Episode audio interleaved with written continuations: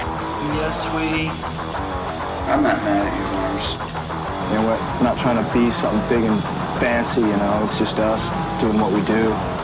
I have a cat. It's just so cool cat. Everybody sits around going, I think the drums should be a little louder, a little bit louder. I think the guitar should be a little louder. Oh, that lead's not loud enough. Ozzy was actually not, he was sleeping. Já, komið í sæl og blessuð Sigur Haldursson gæti ekki verið með ykkur í dag Ég er eina fyrir hans hönd og ég heiti Bubbi Mortens Já, ég heiti Birgitta Haugdal og við Ég var alltaf bara að fá svo ís, ísbrjót svona Já, já, þetta er fínt Ég já. geti byrjað þetta svona Já, ég er lært minn. Það er lót mm Herjá, afsakið. Góðan daginn. Já, hæ, Eða góða kvöldið. já, Hvað sem þið er. komið í sæl bara Komið sæli á. Núna er platan lót. Já, Og ég heiti Sigur Haldursson. ég heiti Ellert Sigurðarsson Ég er ekki pappið þinn. og ég er ekki svona þinn Nei. En þetta er platan lót. Já, Hvað sem enn finnurist um hana. En ég lærði að meta þessa plötu núna. það er margt Já, það, það, það er mörgljóðarna sem að ég var búin að alveg afskrifa en, Já. en þau eru svolítið góð En það eru nokkur lög sem að ég bara "Ah, ég er sko, mér langaði að ná í skoplu og bara, Já. bara útbúa gröfina fyrir þessu lög og ég hala þau sko Já, það var svolítið þannig. Þau voru samt fleiri sem að ég hafði afskrifað óréttilega, eða sérst í órétti sko. Já. Ég myndi segja svona 65% af plötunni er mjög góð. Eða 70. Já, já, gott ef ég er ekki bara á sömu blaðsvið þar. Já, ég, eitthvað sem ég tel að vera Ég var alveg búinn að afskjöðu svo plötu fyrir löngu síðan Já, Ég held þessi plá uh, núna að vera svona skemmtilega umröður af því að maður er ekki sem ekki svona fanboy í sér yfir þessu plötu nei, líka þú veist, ef þú horfir á þetta svona mm, með svona mm, hlutlausum augum, svona eins mikið og hægt er Já. þegar út með talega aðdandi veist, hvernig fylgjur þú svörtu blöðun eftir? Reynur að gera svörtu blöðun aftur? Nei. Nei. Nei, ekki að þú hefur uh, sko heila brú í hausnum, þá gerir ekki Black Album 2. Það er fimm ár búin að líða síðan Black Album Já, nákvæmlega. Fimm ár Já, og það liðu sko frá því að öll demóin fyrir Black Album voru komin þang til að öll demóin fyrir Lót voru komin það Já. liðu fjögur ár Já. þannig að en þetta voru líka 30 demó Já, þeir ætlaðu að gefa út tvær plötur áður fórnir stúdíu, bara svona bara er það sam, samstundis Já. Það var svolítið svona plani hjá þeim Já. En það gekk ekki alveg upp Nei, en en samt eiginlega Já, þú veist, ársmillibili en af þessum 30 demóum þá urðu 27 af veruleika á Lót og Lílót pældu í því Já. Sko, ég, ég fór að pæli því, af því að Já. lögin eru svo öðruvísi heldur en sem ha- hafa verið áður. mm -hmm. Black Album var svona meira grúfi að hægvera. Þarna er þetta orðið svolítið allt öðruvísi, svolítið að fara vel út fyrir ramann í mörgum lögum. Já, það er komin rosa mikið rosa mikið svona country og ég, ég, ég vil ekki segja pop en svona country og svona uh, alternative rock Já, svona, vibe, bl- svona þegar hann reyna að vera eitthvað blúsað já, líka. blues, akkurat og eh, platna fyrir ákveðu svona hérna, hún sett í svona flokka. Ég segja hard rock, alternative metal Já, og post-grunge. ha, já Og- hey, það, ef einhverjum finnst það, það er bara gegja já, sem ég fór að pæla með alltaf komað á þann þeir eru að, eru að klára stæðistu stæðista túr sem það hafa gert Já, eftir svörtulutana tvö og hálft ár já og það er bara endurins vinna það er bara nóg að gera Já, heldur betur og mér finnst þess að þessi lög hefur samin í svona smá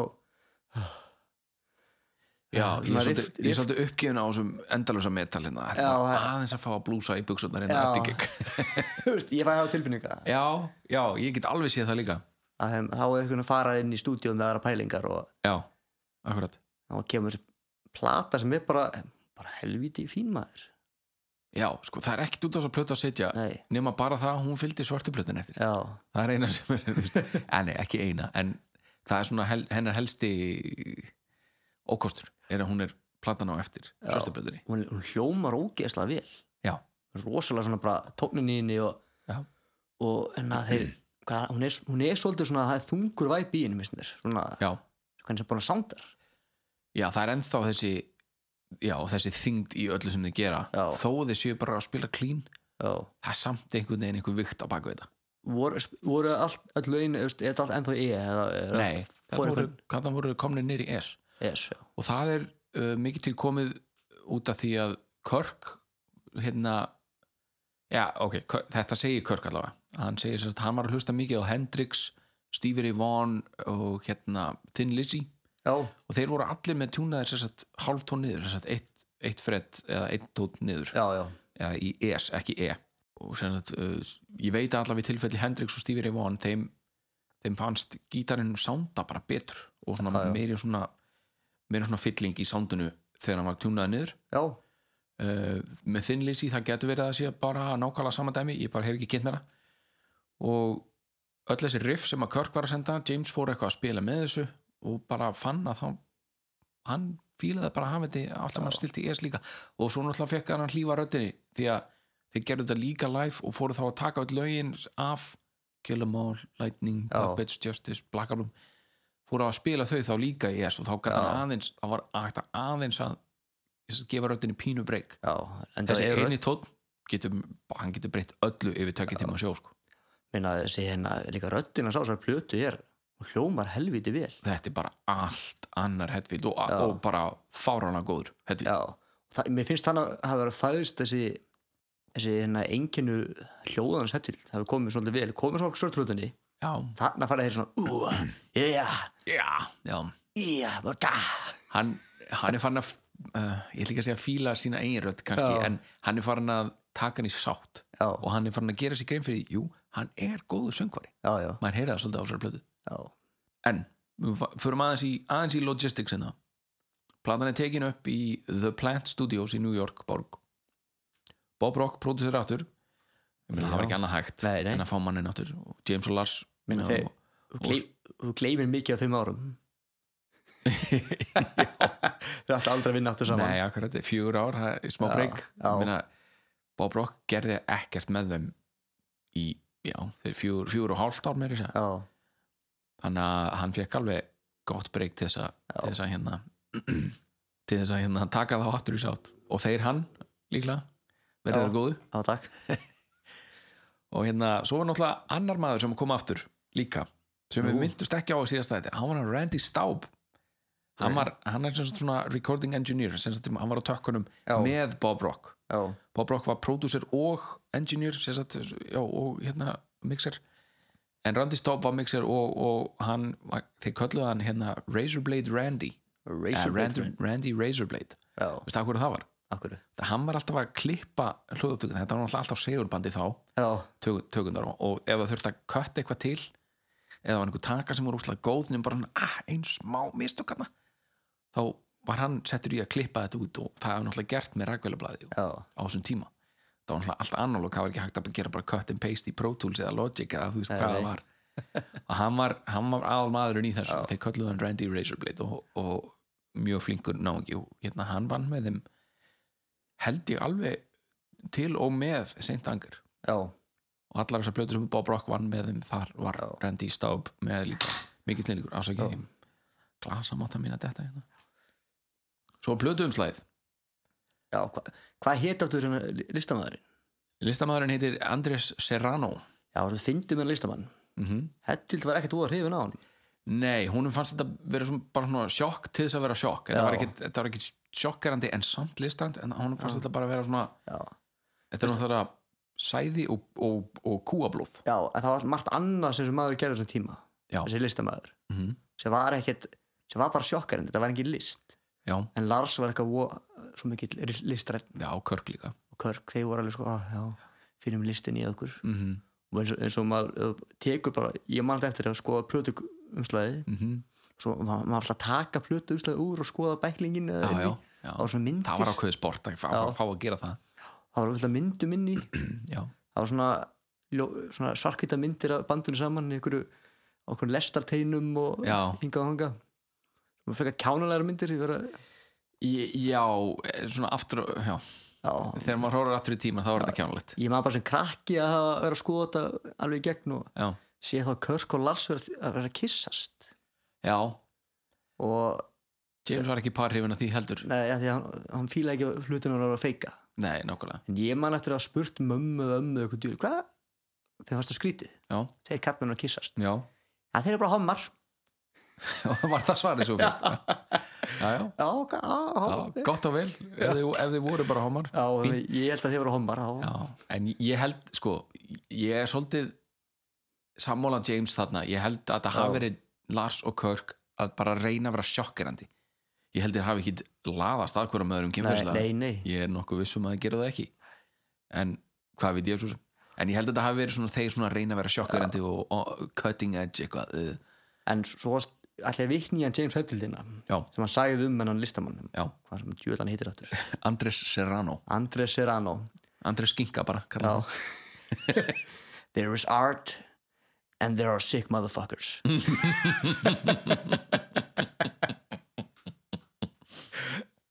já, hvort var Andres, seg mér, seg mér, seg mér Æntalega sick motherfuckers sjúkur móðusættir Já Ég, ég maður allt eftir ég var að pæli hvað tjón er þetta á coverinu Það já, er ekki fyrir en þú nefndir það við mig Já, Já. sæð og blóð, það meika sens Já, ok. Vist, ég, Mér fannst þetta vel þessu eitthvað svona sigur sem er frosinn á gleri og setja eitthvað litið í hann og svoleiðis Nei, þú ert okkur svona reload heldig það er svona gul, Já, Það- ég, það er- ég, ég, ég er bara að tala um svona klært eins og bara, þetta er bara- eða já, krakk já, ég skilði eða já, krakk sem er svona búið- átti Já, að orða já. gleri akkurat Þannig að, En já, Það er Blood, mikilvægt. ég meina, þú veist, verkið eftir hann Andres Serrano, það heitir Semen and Blood 3 já þetta var sérst nummer 3 af guðmá vita hversu mörgum Já, já Eitthvað lítur hann að stunda þetta listamöður ha?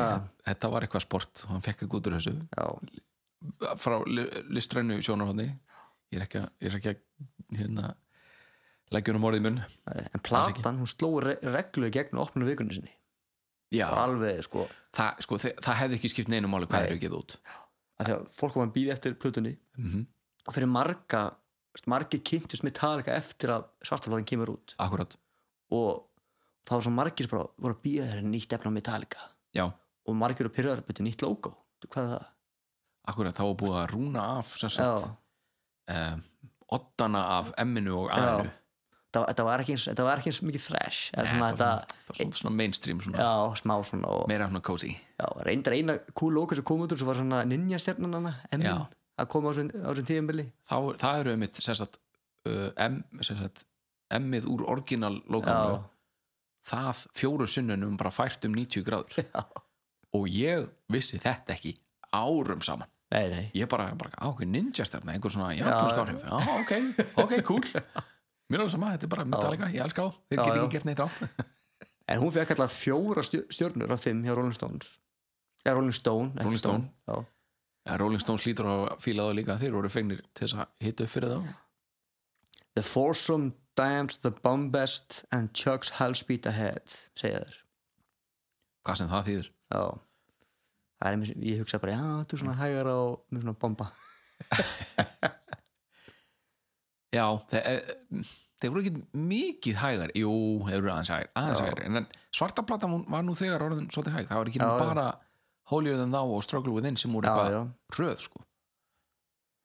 Nei, nei, en svo s- Entertainment Weekly Já. þeir segja hérna Hard rock that reaches grown-ups and basement dwelling teenagers já, þannig að já, það er ansi, ansi þeir eru mikið að fara út í til svona í því. víðanvöll Það er hérna, En aftur að hérna plötumslæðinu og svona, eh, hvað segja eh, sjónræna hlutanum á plötunni já, James sagði að Lars og Kirk voru svolítið mikið dri- aðal drifkrafturinn á bakvið allt sem tegndist load og reload þá Já. sérstaklega sjónræna hlutan já, vídjóin, plötumslæð um og allt það augskugganir og augskugginni á nákvæmlega Jason reyndi að forðaðast það rosalega mikið en var ekki, Hetfield í því eitthvað? Hetfield var ekki neitt í því Nei, og sko ef það var eitthvað, mik ef það var eitthvað miklu meira en bara svona hvað heitir þetta, hiljari svona bara, Já.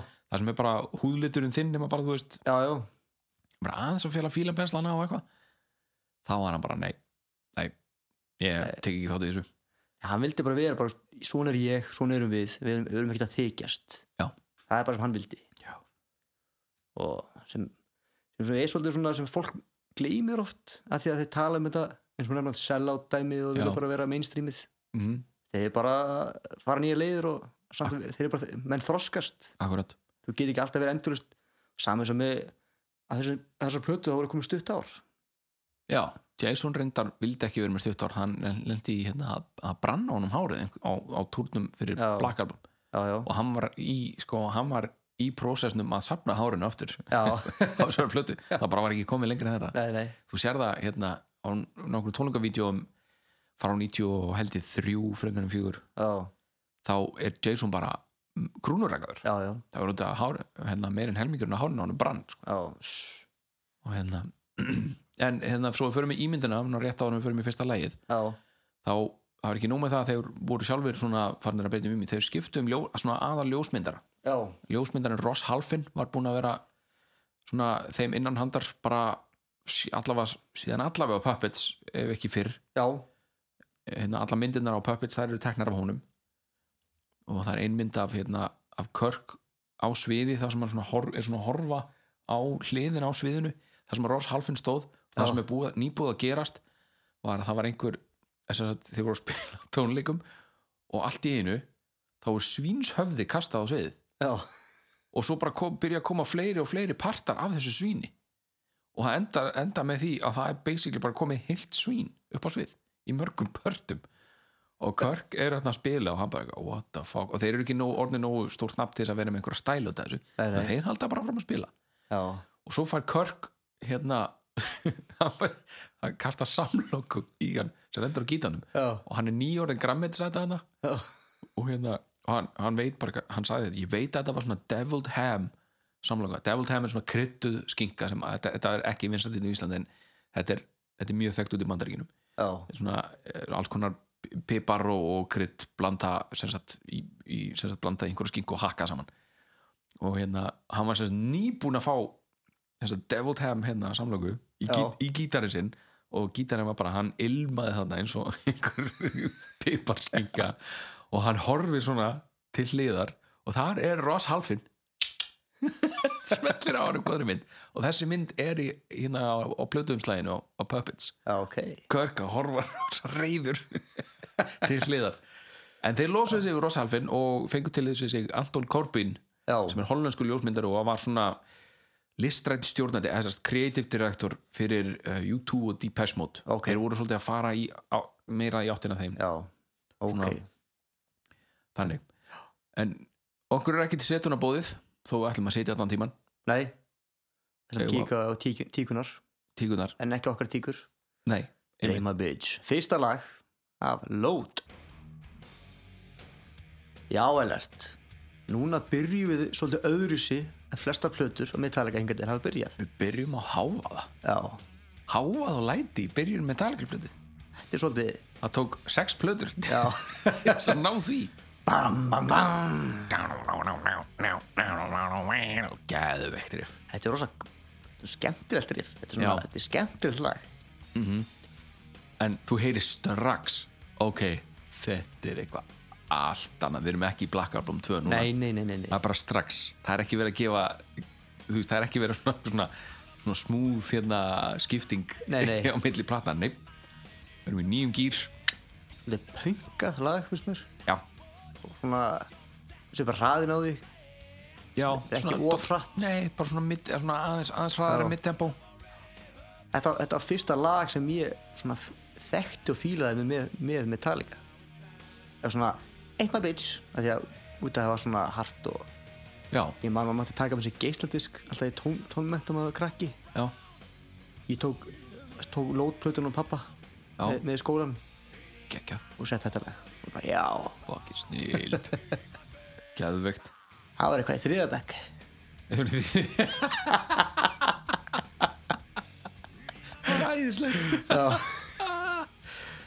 En já, Ain't My Bitch Þetta er Þetta er hans að harðu titill en, en Hetfield myndi ekkit, hann var ekkit að tala um endilega einhverja konu eða ein- Hann einhvern segir sem hann það í viðtalið Við Já, en vitum allir, ef- ef þú við sko- vitum allir að kettlinga Nei, tók nei, nei, hann, hann sem sagt, orðið bitch er sem sagt uh, slangur yfir bara sem sagt vandamál, Já, já, þetta er ekki mitt vandamál nei, nei skilur við ef að, ef að, þú veist, ef að þér liður eitthvað svona Já. og, og mér ekki það er ekki mitt vandamál og þér líði einhvern veginn skilur nei, út að það, það, það var það sem er að hérna, ég er Segja svona með þessu. hugsa um svona eitraða mannesku svona mjög eitraða kringu sig já, svona eins og bara now it's time to kiss your ass goodbye já, nokkulega ég hugsaði You arrived, but now it's time to kiss your ass goodbye Já. Gekkið lína og hérna so useless Mm. þetta er getur verið smá de- um Dave Mustaine nei, ah, Svona mörgum árum senna Maður Jú, veit- kannski maður Það- veit aldrei. Nei, Já. það það er 13 ár en, en já, það er náttúrulega sko, við förum í það á eftir en, en Hetfield var að vinna úr ansi mörgu já, já, á þessari plötu já, og- já, það var mert í og bara gangi sko, ef hann, ef hann var búinn að opna sig smá á svörtu blötu, Já, hann já. var búinn að gal opna sig hann þannig sko. hann þurfti ekki að kúpla sér frá upptökum hans að plötu og eitthvað einna veiða sko. já, úti í skói og já, og svo náttúrulega dó pappan sem meðan á upptökum stóð fótti Wyoming held Já. ég eða mann mann ekki alveg hvert hann fór já. hafði engan ekkert að skrifa á það var að hérna úti að veiða alveg rétt, Hann- hann er ekki byssukúlu hann notaði byssukúlótar sem alltaf eru blí já, og hérna, bara, og, og hérna pappakassin auðvitað byssukúlunar skrifaði gafni niður og þegar, Æs. þessu kúl já, og þegar hann kemur tilbaka hafði Körk búin að taka upp flest griffin já, ok, þannig að þeir vissi ekki alveg hvernig þetta taka því hann fannst það bara verið fínt sko. alveg rétt, já Þess að, uh, á þessari plötu þá eru þeir báðir að spila riff já, rithmagítarinn Mig minnir og að- þeir eru sem sagt, að sikkvar rásni Kirk er hægra meginn held ég og James er vinstra meginn sem er eins og þú sér það á sviði nema James er í miðjunni og Kirk er Já. hægra meginn við hann já, frá okkur síð já en eða frá áhörundu síð svo er nýtt á þessu plötu núna já. það er slæt í sólunum já, slætgítar sko mér er alveg sama hvað svona metal puristar segja Já, bara, já. já. það er mjög slækita en fuck off, þetta er geðvegt já, þetta er flott maður. geðsjúkt solo þetta, þetta svín virkar og líka hann talaði um það sko í 80 og eitthvað að, hérna, hann Kirk, eða kannski snemma 90 og eitthvað hann, að hvað hann var að svona, svona byrja að fykta við slætgítur og hann bara, "Ah, bara svona, kannski, kannski eftir nokkur ára, þá verður- Já. þá verði ég orðin nokkuð góð mér þú veist, mér finnst það skemmtið Já. og þarna, greinilega búin að setjast niður í, í marga klukktíma og vinni í þessu og þetta er, mér finnst það svo cool og þetta passar alveg nákvæmlega Já, en mér, mér finnst eitt sem magna með þessum með sólun bara tökum þetta fyrir plötuna, fyrsta lagi þau eru ekki yfirgnaði neitt svona magn mikið þau, minnst, þau, þau fá ekki að vera svolítið í, í hérna að leiða svolítið. þau eru Nei, minnst, þau þessu, eru þessu svona- lærri já, e, e, svona, svona meiri partur af læginu, þetta er svona Já, já, þetta er eins og þetta sé bara svona partur á handreiti einhvern veginn já, já, en, já, svo er eitt það er svona shaker í viðlæginu heyrist Þegar- dragging me down mér fannst það svolítið merkilegt Já. það er, það er alltaf, það er bara út af að ég er, ég er trommuleikari almennt, sko, það er alltaf svona eitthvað svona, smá trommu, eitthvað þá er ég alltaf bara, eitthvað, ú, ha, ú, hvað er þetta en að lokum Já. með eitt þeir kveði ekki alveg eins og þú nefndir á hann þeir kveði ekki metalinn Nei. það er smá Já, svona nákvæmlega. undir- smá í undir svona Dragging me down while you were around do so you said já, þetta er flott byrjun á fyrst plötunni Já, þá er þetta kannski pínu transition já, út af því þið gáðu þennan hend- þetta pínu metal riff þannig, já. kannski en Herri, Tvísasunni fjórir, það er næsta lag tisa fjórir, Já. let's go Þetta lag var nummer tvö var nummer tvö, Já Það hefði getur líka nummer átta hvað mennum með því? 2x4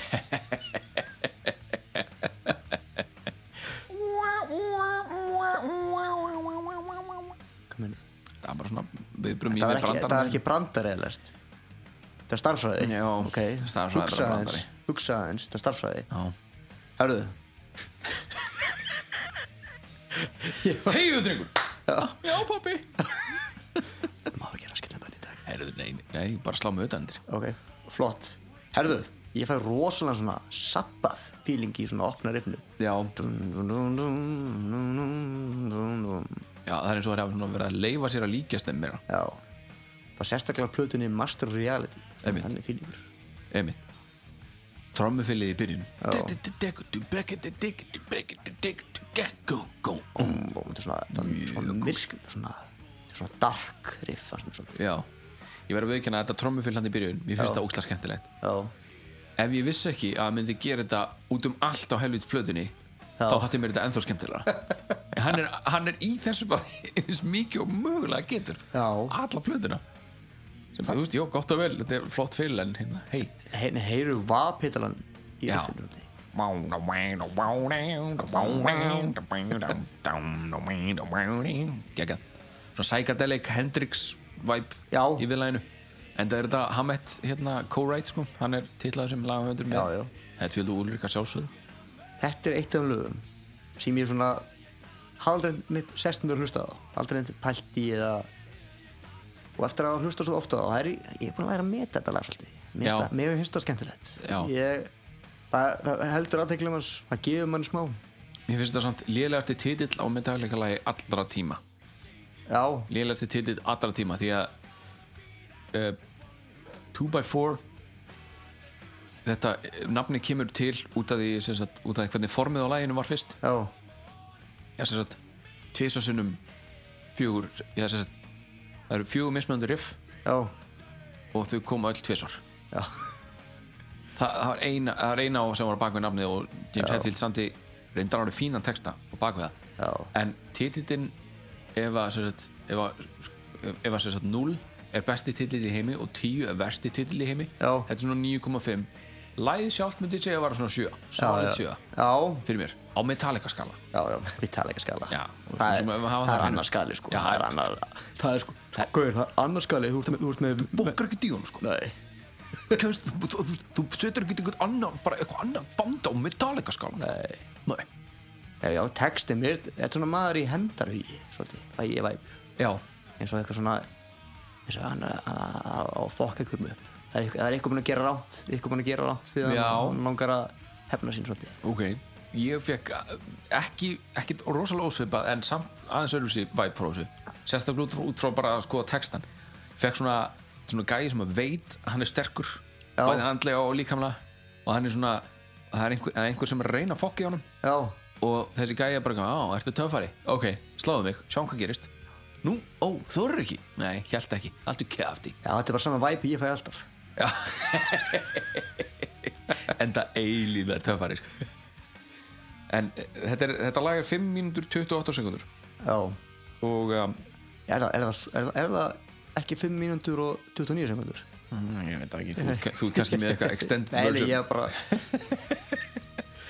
En það er bara svo skemmtilegt þess að plötu að mikið, mannstu tölum að mikið efni af, Já. af Justice var í Ungverlandi já, fyrst flutt. já, Ég tók að mikið af lögum sem voru, þú veist það er mikið af lögum sem plötu sem aldrei spila live. já, ég, Yeah. Aldrei. já. Svo Í, í einhverju tilfellum er það bara fínt Já. það er rosa mikið af lögum sem voru frumlega til Vín, í Östuríki. Já. Ég, og þá fyrir að hugsa, þarf alltaf að vera mín, æ, sorry Ellert, haltu fokkin kjafti. já, Já, nú er ég að tala. Nú Mhm. erum við stólustakkan að tala. fyrir ekki þér pappi Nei, nei, það var alveg að Ungverland og Austuríki Já. það var alltaf gamalt eitthvað heimsveldi já, sem já, tíma einmitt Vist, er, er hellir eitthvað heillar á þessum stað?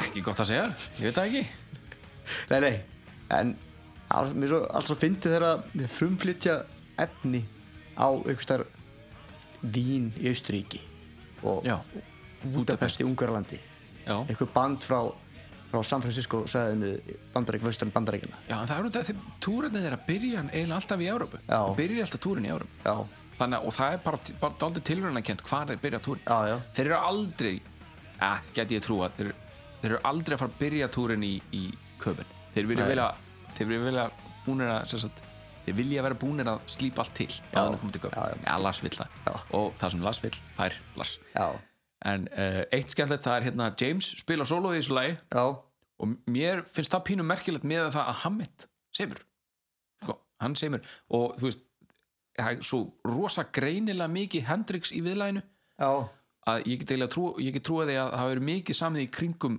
Hammett riffið og samt er James með solo, mér finnst það svolítið skemmtilegt já.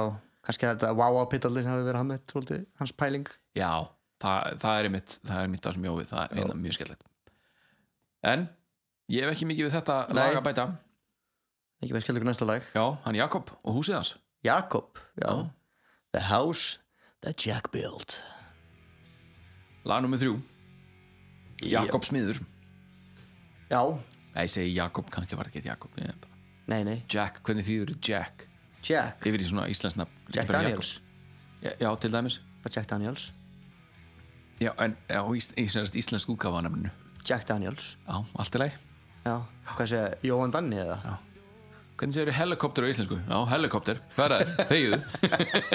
ég veit það ekki Jack ég, það er nei, ekki, ég er bara, ég var fýblast Ég veit það. En það er til nema Jacob til nema til sko já, þannig að ég hæ Jacob já, ég en veit ekki við erum ekki mannanarnöfnd nei, sem betur fyrr já.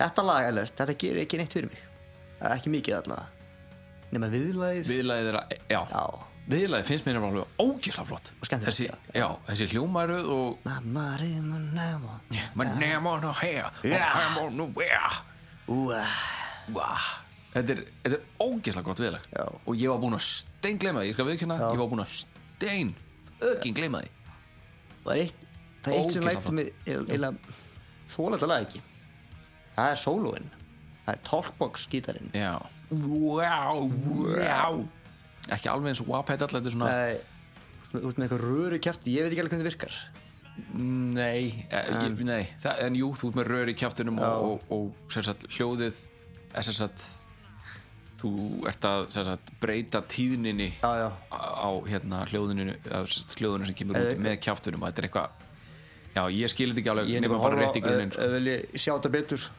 googlið á Slash með sólóðu í Japan eða eitthvað svolítið, Já. þá notaði mikið svona talkbox Foo Fighters líka tóku Generator live og þannig að þá er, hana, þá er sem sagt, Dave Grohl aðeins að svona sína hvað þetta gerir Já. Það er rétt á henni að byrja já en ég man alltaf veist, að sjá Slash með- vera að gera þetta það er, það er svona að tóta mikrofonin Ah. Já, það er svolítið þannig tippi já, já, já, ok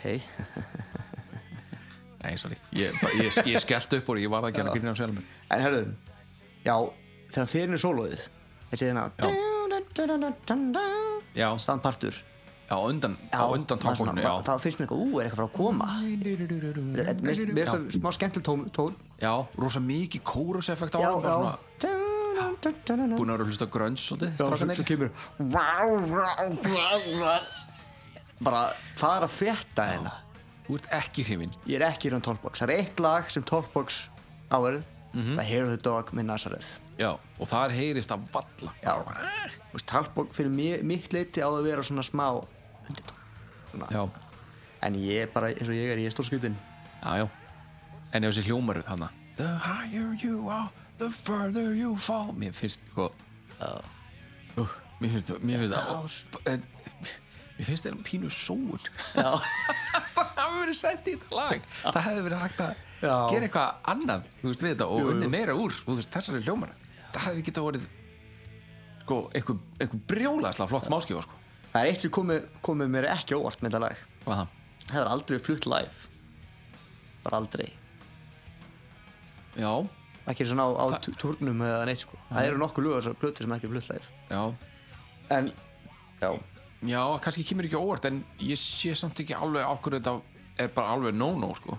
þú veist, af hverju, af hverju er þetta bara alls ekki fljótt Ok, okay, ok. okay. hvað er, hver er á er það þetta bak er við? James var að spila á, hérna með talkboxi eða það Ah, er þetta að feika það, eða bara sleppa topbóksin ég meina, Er þetta það er, hvorki það er, eða? það er, þú veist, þeir eru með bíbendir á Unforgiven 2 já, en þeir spila Unforgiven 2 þú veist, á tónleikum svona nýverið þá var hann bara að spila þetta þú veist, spila bara í kringum en hann effekt já, en meðist eins og með textan já, skemmtileg pæling The House That Jack Built já, ég, ég myndi- ég nefndi á þann Jack Daniels já, finnst þess að hann á þessum árum er hann svolítið, finnst mér þess að sé uppkvita hann sé bara bullandi alki já. Hann, hann þarf svolítið að horfast í augu við sjálfan sig hann búin að Já. sem sagt, missi pappa sinn hann í februar 96 já, og þá eh, er hann orðin við getum sagt munalaus þú veist, það er fullorðin en þú Já, veist, já, þú er búin ég- að missa mamma og pappa ég, get, ég hef ekki, þú veist ég er ekki múin að lendi en hérna, ég trúi að þetta er svona er, þetta sé erfitt já. og bara neyðir þið til þess að horfa inn á við sko. já, já og svo eh, og The House That Jack Built já, ég sé þetta hann er því að vínið gerði hann svo mikið Mhm. mm. lifti honum svo upp, skilur við, brennivínið það gerði hann að hó- þeim manni sem hann varð Já. einhvern veginn. það er svona hann, það losnaði við feim, fe, að vera, við að vera feimin Já. við að drekka vín Ég hugsa að það hafi svolítið verið hans stallur, the house that Jack built Mhm. það er eins og að vínið sé að koma honum upp á þú veist, já, gera, gera hann að móta hann sem personu sko. já, en líka það hjálpaði hann sko að fela eða, eða, eða, þetta var svona, vínið var skjöldur fyrir hann. þannig þess að þá gæti hann sett fram einhverja persónu sem var bara silly James Hetfield og, og var ekkit Já. hans raunverulegi persónuleiki, þetta var bara hann fullur já en svo getur vel verið hans er bara að tala um að allt annað Já, ég fekk svona hérna um, út úr þessu sem sagt þetta það sé, jú, kannski kannski áfengi, en bara hérna líka bara fíkn yfir höfuð, þú veist, the higher you are the further you fall, og þú Einmitt. veist, the longer you walk, the farther you crawl sem sagt, eða þú ert fullur eða í vímu og eitthvað og þú veist, þá ertu labbandi og allt þú veist, labbandi kannski einhverstaðar í einhverju eðumörku eða eitthvað og og þér er alveg sama, þú ert fullur, það er rosa gaman hjá þér eða þú ert í vími og rosa gaman hjá þér en svo er víni búið og þú verður að fara tilbaka já, og þú missir allar orku og þú, byrjar að, og þú þarft að fara að skríða tilbaka Já. það er náttúrulega miklu, miklu erfiðar heldur en, að, Eða svo- heldur en þegar þú varst að labba þangað og var fullur og, og rosa skemmtilegt sko. eða svo reyndin tilbaka ha, eða vera svo hann til reyndin tilbaka svo til enn tilbaka Ertu að reyna að skipta um lag, Siggi? ha, Ertu að reyna að skipta um lag? Já, skulum gera Eh, ég það var ekki að reyna að gera það en en ég fatta það núna maður sé alltaf heimliðin eftir fyllir í Já, já, akkurat Herðu, until it sleeps Þetta er fjarkinn fræði já, fjarkin fræði og þeir eru ekki mikið að breyta nei, þeir breytir ekki til þar Nei, fræði fjarkin eins og við komum að aftur er hann Já, ég er rólegri kantinum rólekantar með á þó hann sé ekki alveg, þetta er ekki alveg ballaðan sem að Unforgiven var Nei, nei en, Og enn og aftur er að syngja um fóraldra og döðan og já, eitthvað sem já Fate to Black var bara um hérna Marshall Magnarnas Já. James Já, reyndar En margir þeirra textar þú veist, hafa verið að fjalla um fóraldra og uppeldi og James já, Þannig er að það er að tekla döðan svolítið meira held ég já þessi, þetta, þetta slíp, þessi svefn þetta er bara, Já, það er ekkit já Þú, þú þarft ekki að vera einhver snillingu til þess að fatta það að hann er að tala um Já. dauða við- eins og við komum að mamma stóðu krabba minni já, á meðan hann var að taka upp plötuna já, var eitthvað annað í gangi þá pappan stó 27. februar Já, þannig að 96 já, þegar þeir eru byrjaðir að safna öllu saman og byrjaðir að taka upp einhver demo líka já, já og hérna In the dungeon Dungeon sem var heimjög Lars eða ekki Jú, ég hef enga sönnum fyrir því nei, en ég held að þetta it until it sleeps ég held að þetta it sé pappans já, og eða mammas, bæði já, kannski, Bæði, kannski bæði krabba minni og, hérna, en ég veit að James fór í viðtal og, sem að var hérna, vitnað í í mitt þessari Enter Night hljóðbók góðu, Já. sem ég er búin að vera að hluta á þá var vitnað í viðtal þar sem að James segir að hann og pappans voru orðnir alveg sáttir Já, og, og honum fannst það hérna, honum fannst það aðdánavert að pappans rík hjælt í trúna bara alveg fram á síðust, síðustundu hann var ekkit að uh, hvað segja, hann var, hann var ekkit aumingi þegar að hólmið var komið Nei, nei. hann bara, hann, hann var alveg staðfastur í henni trú og Já. James fannst það já, honum fannst það virðingavert Já. í mestu kosti Já Þetta er minnst þetta mjög gott lag og líka skemmtilegt að í byrjunni Já. Mhm. það er bandalins í bassin mjög flott Fyrsta skipti. Gammal Gammal talega. þessi plata var full af svona fyrsta skiptis já. þetta, Einhverju. þetta lag Já. á Spotify er mér langmest spiluna á þessar plötu Já, ég er það kemur bara ekki neitt á orð Nei, nei. það var alveg hreinskilin, þetta er bara og ykkur þetta las ég að þetta verið fyrsta lagið til þess að vera svona pirated eða, sjó- eða stólaðið netum já, á Napster tímbrun uss, fyrsta lagið sem náði að kompressa inn í eitthvað tölufórum og Já. náði að deila í áfram í þessu frægu MP3 Já. eh, skrá, já, sem sagt, þetta er MP3 formatið hvort þetta verið fyrsta M3 lagið já, ég man að ég vissi ekki neitt um Napster fyrir svona, taldu lungu eftir þessu það var svona 98-9 já, þá fyrst heyri ég að þessu Napster dæmi já, en, jú, það getur verið nei en hérna, vídeoið við þetta lag þetta er, þetta lag var smáskjá vídeoið við þetta lag, það er svona ég var að horfa á þetta aðan ég finnst það að vera svolítið svona batsins tíma já, hérna, James er að sjálfsögðu ekki með augskugga nei, eh, hinnir eru með augskugga en ég er ekki, ah, ég er ekki alveg viss með Jason nei því að hann er bara að maka á sig drullu á, á einhverju hásæti sem myndbandi no joke, hann er bara eitthvað ah, drullumall, ah, hann ætla að setja hérna ah, ég er kongur og ég er að maka á mig drullumalli eða ég er að, ég er að maka á mig drullu maður skýt svo er einhver svona einhver svona risa, risavaksin froskur sem er að borða einhverja litla rauða djöfla Já, og einhverja konur sem eru spreyjaðar með gulli og það eru eitthvað ulla í myndavélina og já, já, og þetta, Lar, Lars og Körk að missa sig svolítið í abstraktinu já þeir voru svolítið þeir voru svolítið halin nýfa á svona tíma líka já, þeir tveir allavega já þeir, þeir voru fannir að líta svolítið stórt á sig sem, Já. sem listamenn Já. Svona púra listamenn held ég ykkurst að heyrði í, í, í svona hljóðbögg sem hlusta á mm sinni ekki Into the Black into the black Mhm. já, að þeir, þeir enda fíla það svolítið fyrir Hetfield já, hann var ekki hrifin að þessu hann var ekki hrifin af þessu og, og bara var aldrei í þessu Nei, hann var svo, eins og þú nefndir seinast já, hann bara þóra ekki að taka, þessu- taka verketöflur nei, það var bara það var bara vínið, það Já. var bara brennivín og koma Körk, sólo eins og leiði já, eins og flest sólans og plötu er svona sem eru góð þeir eru svo, þeir eru ekki að reyna að taka aðtiklina þeir Nei. þetta er bara svona rétt þægilegt þjónulegin sem, þjónulegin er- sem er merkilegt með Já. það að hann, hann var að móki niður þessu Já. ráðan tíman það er svona, að, hefur, hefur þau áhrif að- að fólk vil svona, já lítur stórt á sjálfsig já, en já, nei, hann bara kann, kannski hafa bara, hafðu þeir allir vitað því að já, þegar komað upptökum það var bara, hei, mæta Já, klín ma- maður veit í, ekki. í stúdíóið já það getur verið, getur vel verið Þú veist, það er- þú veist, til að vera professional, þú veist bara nú er, að, nú er að vinna, gerum þetta og Já. sem þýðir að spurning hver er kongurinn já, einskís kongur já, lag nummer 5, jöpp þetta, mér finnst þetta mjög skemmtileg já, svona þetta grúfað lag svona, Já. maður svona langar svona headbanga svona hægt og rólega með þessu lagi já, ég er sammála því og þetta er svona endur saman tvö já, rosalega svipuð uppbygging á öllu læginu, formið svipað og Lars er að spila hérna tsk, tsk, tsk, tsk, tsk, tsk, sem hann var hann að gera live við Sandman sem það var ekki bara með þú veist, að slá einu sinni á hætti hann var tsk, tsk, tsk, tsk, tsk, sem að, og, alltaf þegar saman var að spila þá spilaði hann þetta svona Já. og hann geraði í King Nothing og svo náttúrulega endar lægið á Rough to never, never land he, heyrist í James segja sko. þannig að þetta er svona endur saman tvö já mér finnst byrjunum var svo skemmtilega á þessu- á þessu lagi Mhm. Bum, bum, bum, dum, dum, dum, dum, dum. bassin kemur inn dum, dum, dum, dum.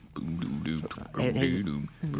og svo Geggjað. þessi, þessi, svona, þessi svona, svona klassiska hryllingsmynda hljóð sem kemur úr gítanum og Já. Mhm. körk svona suð þetta minnir mér svolítið á svona þessa, ennan ítalska hryllingsmynda maður Já. hvað heitir sem Pall Óskar og sér innaf þekki það ekki, eh, Ah, þekki ekki nafnið Gójur eitthvað, æ, maður, djúlin Rosa skemmtilegt, skemmtilega hljóð og mikið að skæra litum já, Ég bara manna ekki eins og þér, bara Nei. svo sorry En ekki þetta nafn myndi mig á það já, og eitt, þe- þetta lag lætum að hugsa um einn atbyrg, veit ekki hvað þú búin að tækla hann áður hvað það þeir átt að spila þetta lag live MTV Music Jú, Awards Ah, við, við erum aðeins búin að já, við erum aðeins búin að tala um þetta allt í lagi minna Já, þetta já. hvað er með það 96, ég mæli með fólk Google- se- setja á YouTube Metallica Live MTV 96 Europe Music Awards þá áttu þeir að spila þetta lag hérna Mhm. -hmm. King Nothing -hmm.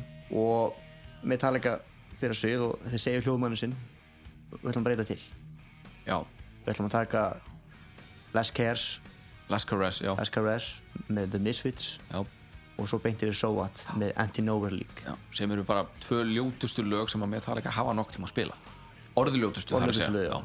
og beinutsending hún, fe- hún skilaði sig hún- þetta, málega, þetta var svo mikið svona fuck you to the man já, moment, sko. Svo það var einhver pródúsir sem kom baksvist til þeirra já, og var að svona predika yfir þeim að bara þú veist, ein, eins og þeir væri bara krakkar og eins og Já. hann vissi að þeir myndu haga sér illa eða eitthvað Já. þá voru þeir bara eitthvað, já ok, heldur að við séum svona já. þá bara verðum við svona, allt í læg og veist, einu sem vissi þetta var, var hljóðsöndin og hljóðmaðurinn þeirra já, það var ok, flott já, Þetta- geðu við sko og það, þeir náðu aldrei að kött útsendingin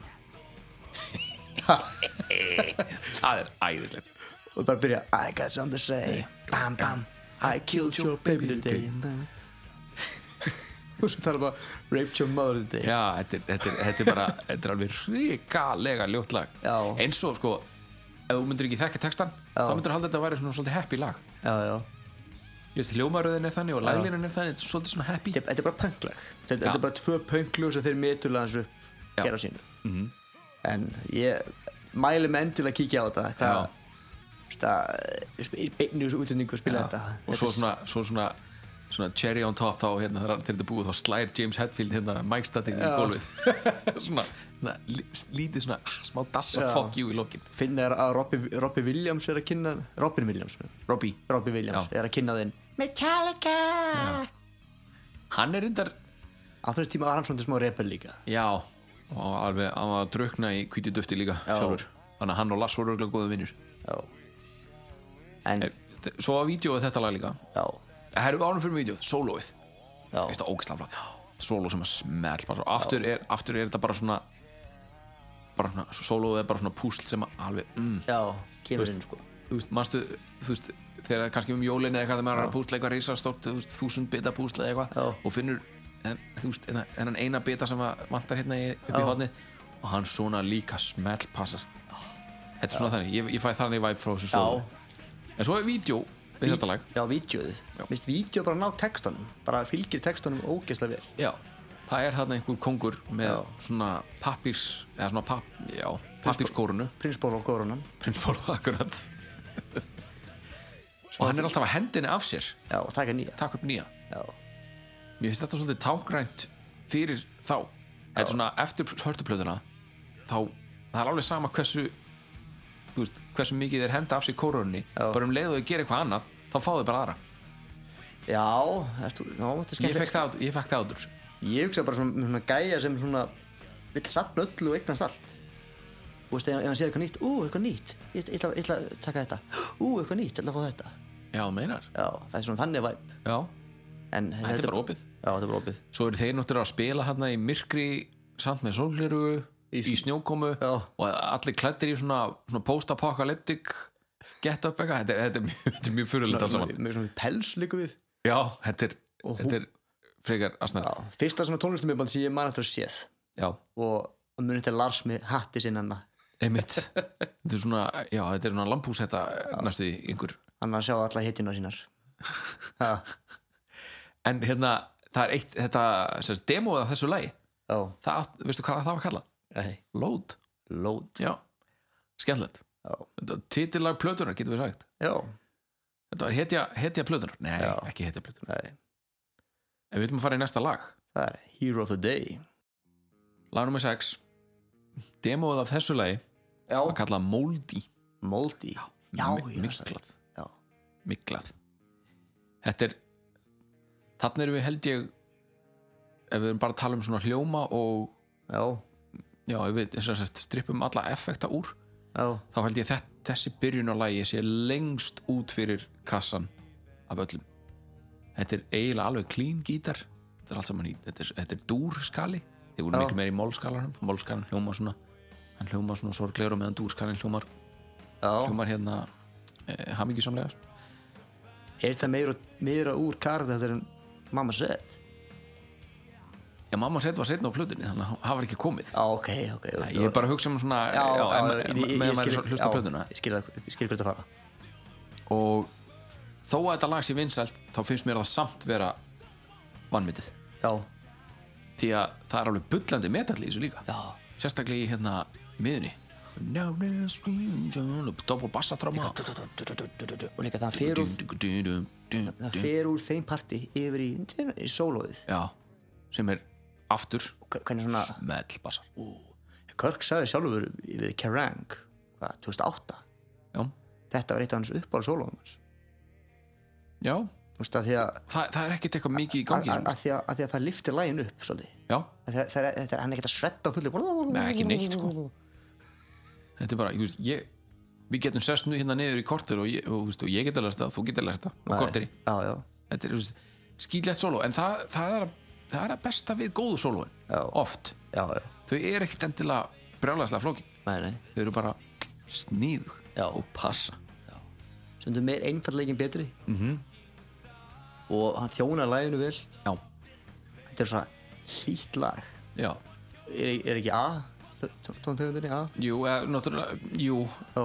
en þeir eru náttúrulega búin að tjúna gítari niður, en jú, Já. að spila út frá A eh, já, á, á gítarnum já. og veist það bara, hann er svolítið í um, fleiri symbolum á plötan Lars já, hann er að spila hann á svona svona litla, svona, litla, litla grútlega splassi bara svona Já. sem að, já, það, er- já hlustuðu bara á lagi þá vitið hvað ég er með. það er rosa erfitt að lýsa þessu en hérna, það er bara aftur, hérna, voru þeir bara að prófa sig áfram með alls konar mismöðandi hérna, mismöðandi stöf James er rosa mikið að líta inn á við og svona uh, taka tilfinningar sínar í sátt fyrst í þessum texta kallar á mömmu, kallar þú veist kallar á hjálp til mömmu svona, skilur og þú veist pældi og Justice ef að þetta, þessi texti hefur komið bara Jason hefði reikið hann Jason nýi gæðin hefði reikið James sko.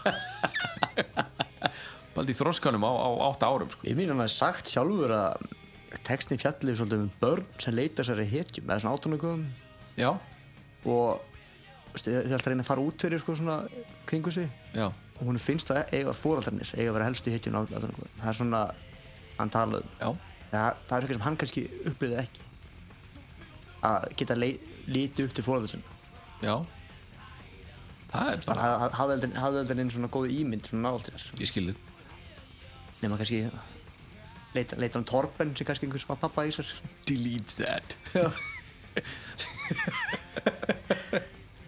uh, Hérna. en svo var vídeo við þetta lag líka já, það er unglingspiltur sem að, já, ungur, ungur maður getur við sagt, ég veit ekki hvað hann er gammal hann vaknar hann að einhverju einhverju svona superleri leigu íbúð og hérna hann kveikir úr svorminu, það er Körk sem svona hérna, að lesa kvöldfréttir já, hann er með, hann er með hári greitt svona alveg aftur á bak svona, svona sleikt erum, svona. erum ælanir nei, reyndar ekki þar hann er, okay. hann er með glerugu ok, og hann er í jakkafötum og hann er að lesa kvöldfréttinnar og svo svona hérna The Price is Right svona gameshow, þar sem að Jason er í svona köflóttum jakkafötum já, djú, og, og þeir, hinn í þrýr eru allir að keppa og Já.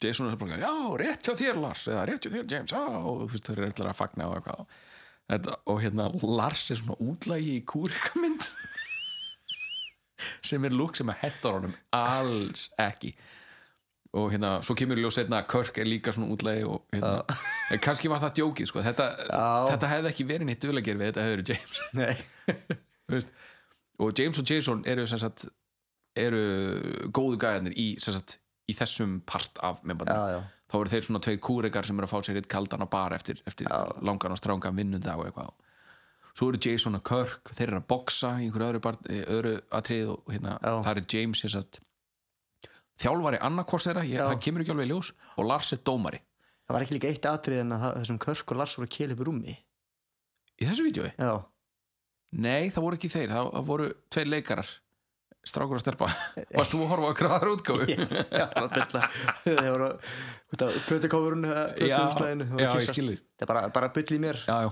og svo eru Lars og James að hérna, auglýsa einhver drikk sem að heitir Load og eftir að James tekur stóran og góðan sopa af, af drikknum þá mingar hann niður í bara að- einhverja hamsturstærð og Lars er rosa ánægð með það litlingæðin já, og hérna, já, söguhetjan er annars uh, ungur maður sem að fær til sín unga konu, þau sofa saman svo fær hann sér pillur, hann líður út af og lítil fuglafjálminni kom út um eirun á honum, já, já, já, allt er lett já eins og ég segi, þetta myndband er alveg part síns tíma þetta var auðvitað ógslag kúla þarna en eh, já, ég hugsa, ég hugsa að þetta tímabil hafi ekkert verið svolítið cool nei, bara uh, því miður en eitt með textan í hérna eh, í uh, millikaflanum sem sagt uh, þegar hann segir hérna and now the, hvað var það þurr?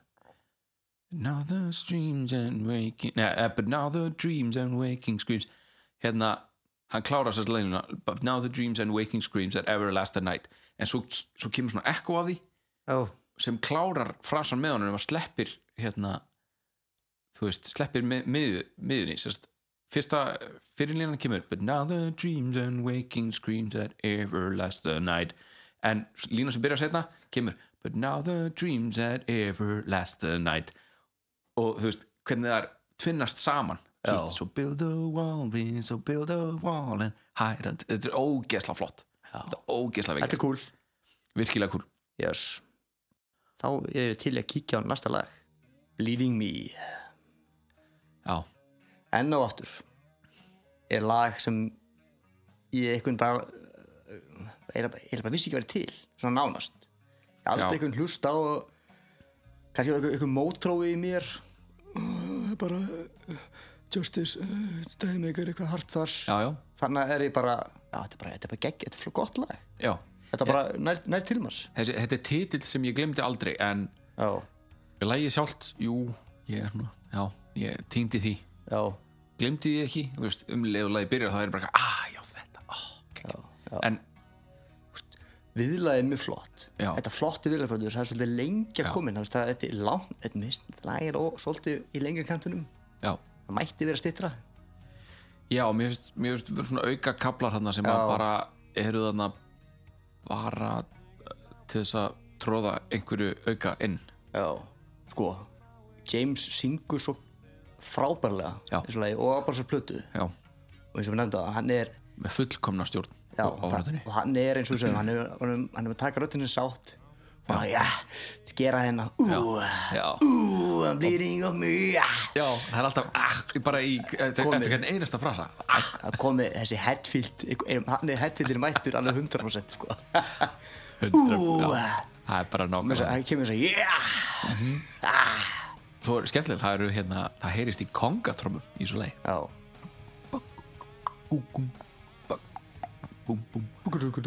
kongatrömmur já, þetta er þú veist, og splassimbalar það er alveg mikið að þeim í þessu lagi það er sérstaklega svona trómundar eru svona sérstaklega berskjaldar því að það er ekki mikið að gerast mér finnst textin, uh, uppsetningin á honum finnst mér æðisleg Já.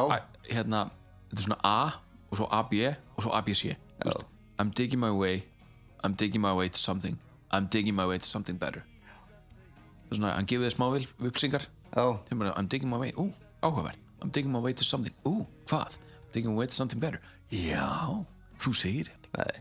þetta er svona Jason Newsted hann sagði að textin fjallar svona um andlegar pyntingar svona ég veit ekki Já, alveg komast undan þeim Já. ég, já ég get alveg ég fæ svona tilfinninga að, að, að, að tala um mjög andlega sterka mannuski hanna hún svona kunn, á, hún veit að hún er í einhverju Já. bobba og hann- hún veit að hann bara þarf að komast í burtu Já, þetta- já manneskja sem nóg helst eftir þess að Já, já, hann akkurat svona fæði það svona tilfinningar Já, ég, og, já, og enn ofta finnst mér ok þetta er kannski hættvild að tala um hann er sterkur já hann veit hann er með vandamölu með alkoholismu já, Hann varð að vera sterkur með það hvernig hann lóst upp já Þú veist, þetta geti eitthvað verið tengt alkoholismu sko. Þegar mér Já, finnst þessi ár þá er hann að svona áttið sá því eins og mjög komað já, það er eitthvað að gerast enda Fimm árum seinna fer hann ekki akkurat í með Nei, já, sem, var fra- sem frækt orðið sólóin Mm. já, Bara konfekt, sko já, En það, þú veist, það eru eitt og eitt solo á þessar plötu sem mér finnst ekki gott en nei í þessu lagi bara aftur púslið Já. sem smelt passar já, já, og þú veist, það er, þetta er svona þetta lag, þá er svona- er þetta alveg búið að undirstreika þú þarna komið nýtt og öflugt band sem bara skildi við metalin að minnstakosti tímamöndu já, og fór yfir í svona country, psychedelic, grunge, hard rock, blues eitthvað bara fór í og bara leifðu sér bara að bara explora með augu heimsins á sér eitthvað- já, þú veist, þeir voru búin að vera að túra alveg endalaust bara senust árin já, og þetta spilaði þetta efni, spila hart efni meira og svona Já. og þetta er, enda demón og sem voru að spila upp á hótelherbyggi og það endi ykkur allt öðru já, pælingu. já, já, eins og þú sagði þeir eru örugglega bara þeir bara brunnu yfir á hérna á metal, já, eða svona þessu, þessu hraða stöfi sko og sól, já, það en, en það er sólunu en það er rattar hana söngin Já. við lagið Dum, dum, na, na, Mhm. na, na, na, na, na, Ah. na, na, na, Sing it, na, na, na, yeah yeah Ú, En já, það gætir ímsa áhrifa þarna eins og til dæmis frá eða svona á plötunni þú veist, og, og það, það- í þessu lagi sérstaklega þú veist, það er Erosmith, það er CC Top Ted Nugent, kannski ekki alveg í þessu lagi en, en þú veist, að- þetta gætir áhrifa frá honum Ah. Alice in Chains Alice in Chains, alveg 100% Alice in Chains 4.4 2.4 hana laginu 2x4, já, já, það er við það er- glemdum að tala um það finnst mér Já, við gerum það, en allt er leið og hérna, svo þegar allt, allt deyr niður hann já, það er bara svona slæt geta svo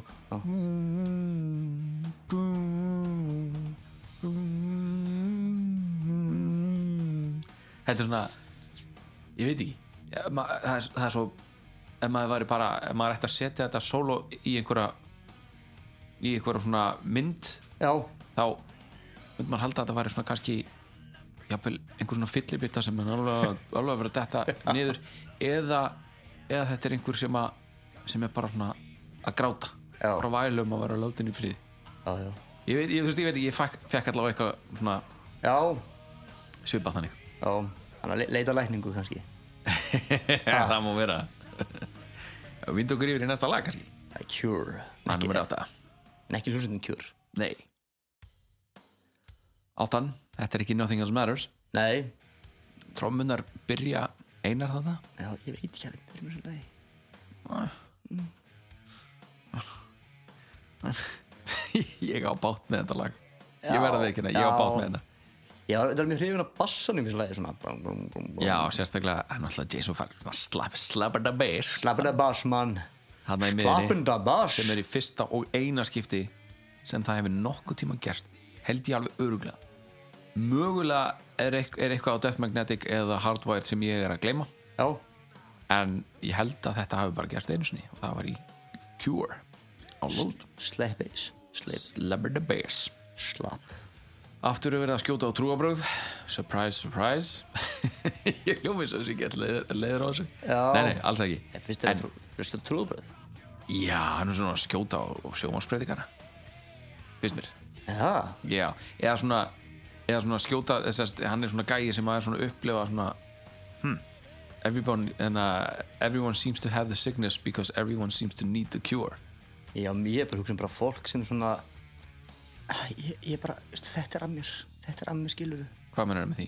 Svona, eitthvað svona gera sér upp eitthvað Já, svona, það er, er svona fólk að því að við erum svo helbrið og flott að eins og, Já. að, eins og þá aðtekni út, út að fá að vera eitthvað öðruvísi eða vera eitthvað minni Já, meinar Já, Svona volæðis eh, hérna, umgunningur já þetta er bara eins og fólki sem var að keppast um að vera veikastur út á sprautunni og saði hérna konan sem er yfir hérna heilsugjæslinni Já, að fólk var að keppast um að vera sem veikast til að komast fram í röðuna aha, Já, vá ég, ég, Þetta fór fram með mér, blessunlega já, Ugh, Ég, veist, aha, bara ég nenni ekki þessum COVID fréttum sko. Allir bara eitt og hálft ára sem er að fá í kuk og við og fleiri Það er alveg, við erum ekki að segja neina fréttir hérna glæð Cure, já, Hérna, hérna, já, það- bólusetning er lækning Cure, hérna, já, tenging haha, út út úr Já, en það sem ég gruna því að við, við erum bara svona samfélag sem við bara á við erum það gott Já Já, hefur það ekki gott Ef þú hefur það ekki gott þá, þá það, það, það er þá eitthvað sérstætt við Já. Það gefur þér einhverja sérstöð að því að, Já, ég get alveg skilið það Ég Já, já. upplöðu það öðru sen, þú veist, það er bara ég já, já, Þetta lag sko Þetta myndi mjög líklega rata neðar á listan hjá mér en mörg lög af til dæmis St. Anger já, Ég verða að viðurkenna að ég, ég hef ekki haft þólimaðina í að hlusta á Lulu frá byrjum til enda ég, ég er bara ekki snert hann ennþá ég er búinn að hlusta á svona byrjunar mínútur af tveim, tveim, þreim lögum og ég, ég tel mig tel mig vita alveg fyrir víst að Lulu sem er síðasta platan sem hann gefin út á samninum við Elektra og Warner Brothers Já, þessi áttaplatna samningu sem þeir rituð undir hérna 84 Lulu er síðasta platan sem þeir gefa út á þeim samning já, ég þykist vita að Lou Reed og Metallica tveir artistar sem eru svolítið mikið í fuck you to the man Já. geranum að þeir hafi gefið út þessa blödu Lou Reed vitandi það að hann var að fara að deyja kortir eftir þessa blödu og hjálpa þeim að senda svona eitt gott fuck you á Warner Brothers þannig að þeir getur stopnað Black End Recordings sem að þeir gerðu já, já, ég geti alveg trúa því að það hafi verið ég trúi því það hafi verið rætt og, því, og, og platan hafi bara viljandi verið gerð svona slag því að þú veist ég, ég get ekki þessa blödu Nei, og ef að Cure væri á Lulu jú, það væri besta lagið á Lulu en ég bara þetta er versta lagið á þessari blödu Já. ég, ég ætla bara að segja það. já, Frantic, betra lag Saint Anger, betra lag Dirty Window, betra lag Sweet Amber Ég myndi setja á svona par E- eitt, e- reyndar eitt sko, í viðlæðinu Find a cure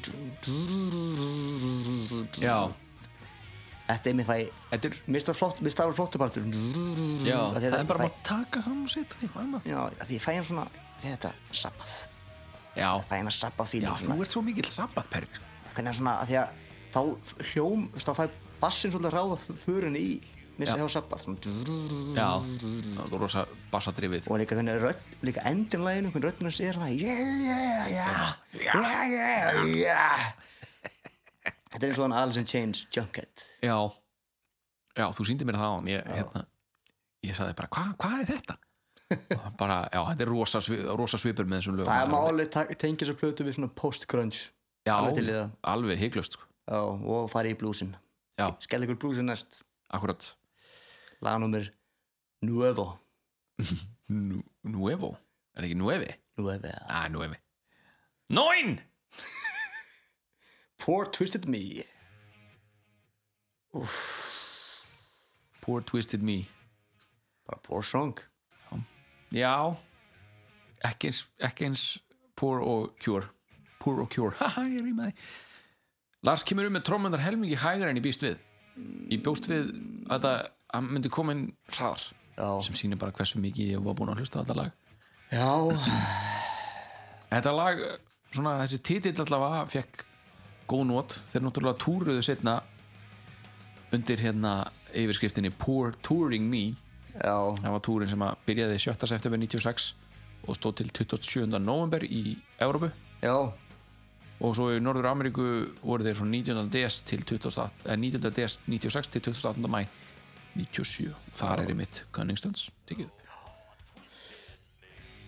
Í þetta er verðalega einhver Nei, ég, Jú, nei ég, mér, fin- mér finnst það Alla fa- í það er skárra Cure bara út af að stýtra það er, það er mín rögg Sko, í Cure geti fundið eitthvað á Hvernig sleppa sinn og það er hann að sabbað parturinn svona smá svona, svona Þannig þetta er bara leil á halbyrðin, finnst mér Í- Hvað er að reyna? Er eitthvað að reyna er þetta eitthvað er, alveg blues? ro- já, þetta er rosalega einfald rif Já.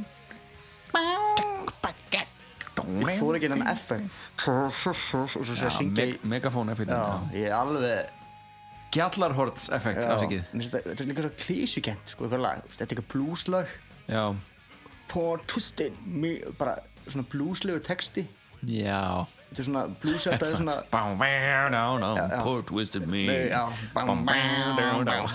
Ég hef líður ítla Bá, bá, bá, bá Þú veist, já, Come on hygglust Hvað, þú veist Ég býstu meira frá þeim, sko Já. Á mig tala ekki að skálum, þá er þetta lag bara ég, veistu það, ég er sjaldan síðan ég að pirra þann á lægi núna nei, bara aldrei Já, þú, já, Þú veist, já, sko, ég var að hlusta á núna aftur, ég bara, hvað djúvel er að hlusta? á?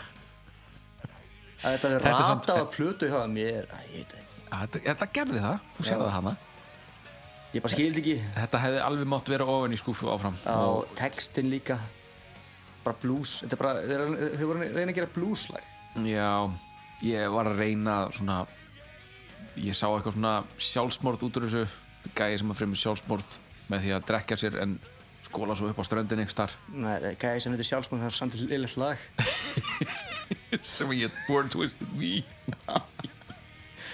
Nei, þetta er nú ekki En Mér finnst þetta skára en kjór Ég, þú veist, Kirk og James skiptast á hérna gítarsóla á mig miðinni Mér finnst það- mér finnst það pínu kúl Þú veist, Kirk svona smá Já, Ah, ok. Svo James að svara, svo Kirk aftur Það er bara söngur, eh.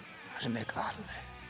Já, Já, ég hata en sko, það, ég James hata það lag. syngur, syngur ógeðslega vel í þessu lagi Já, Fer, fer, frekar hátt Já, þú veist, jú, jú, söngur vel allt það En þjónar þessi fucking effekti röddinni eitthvað mikið eða?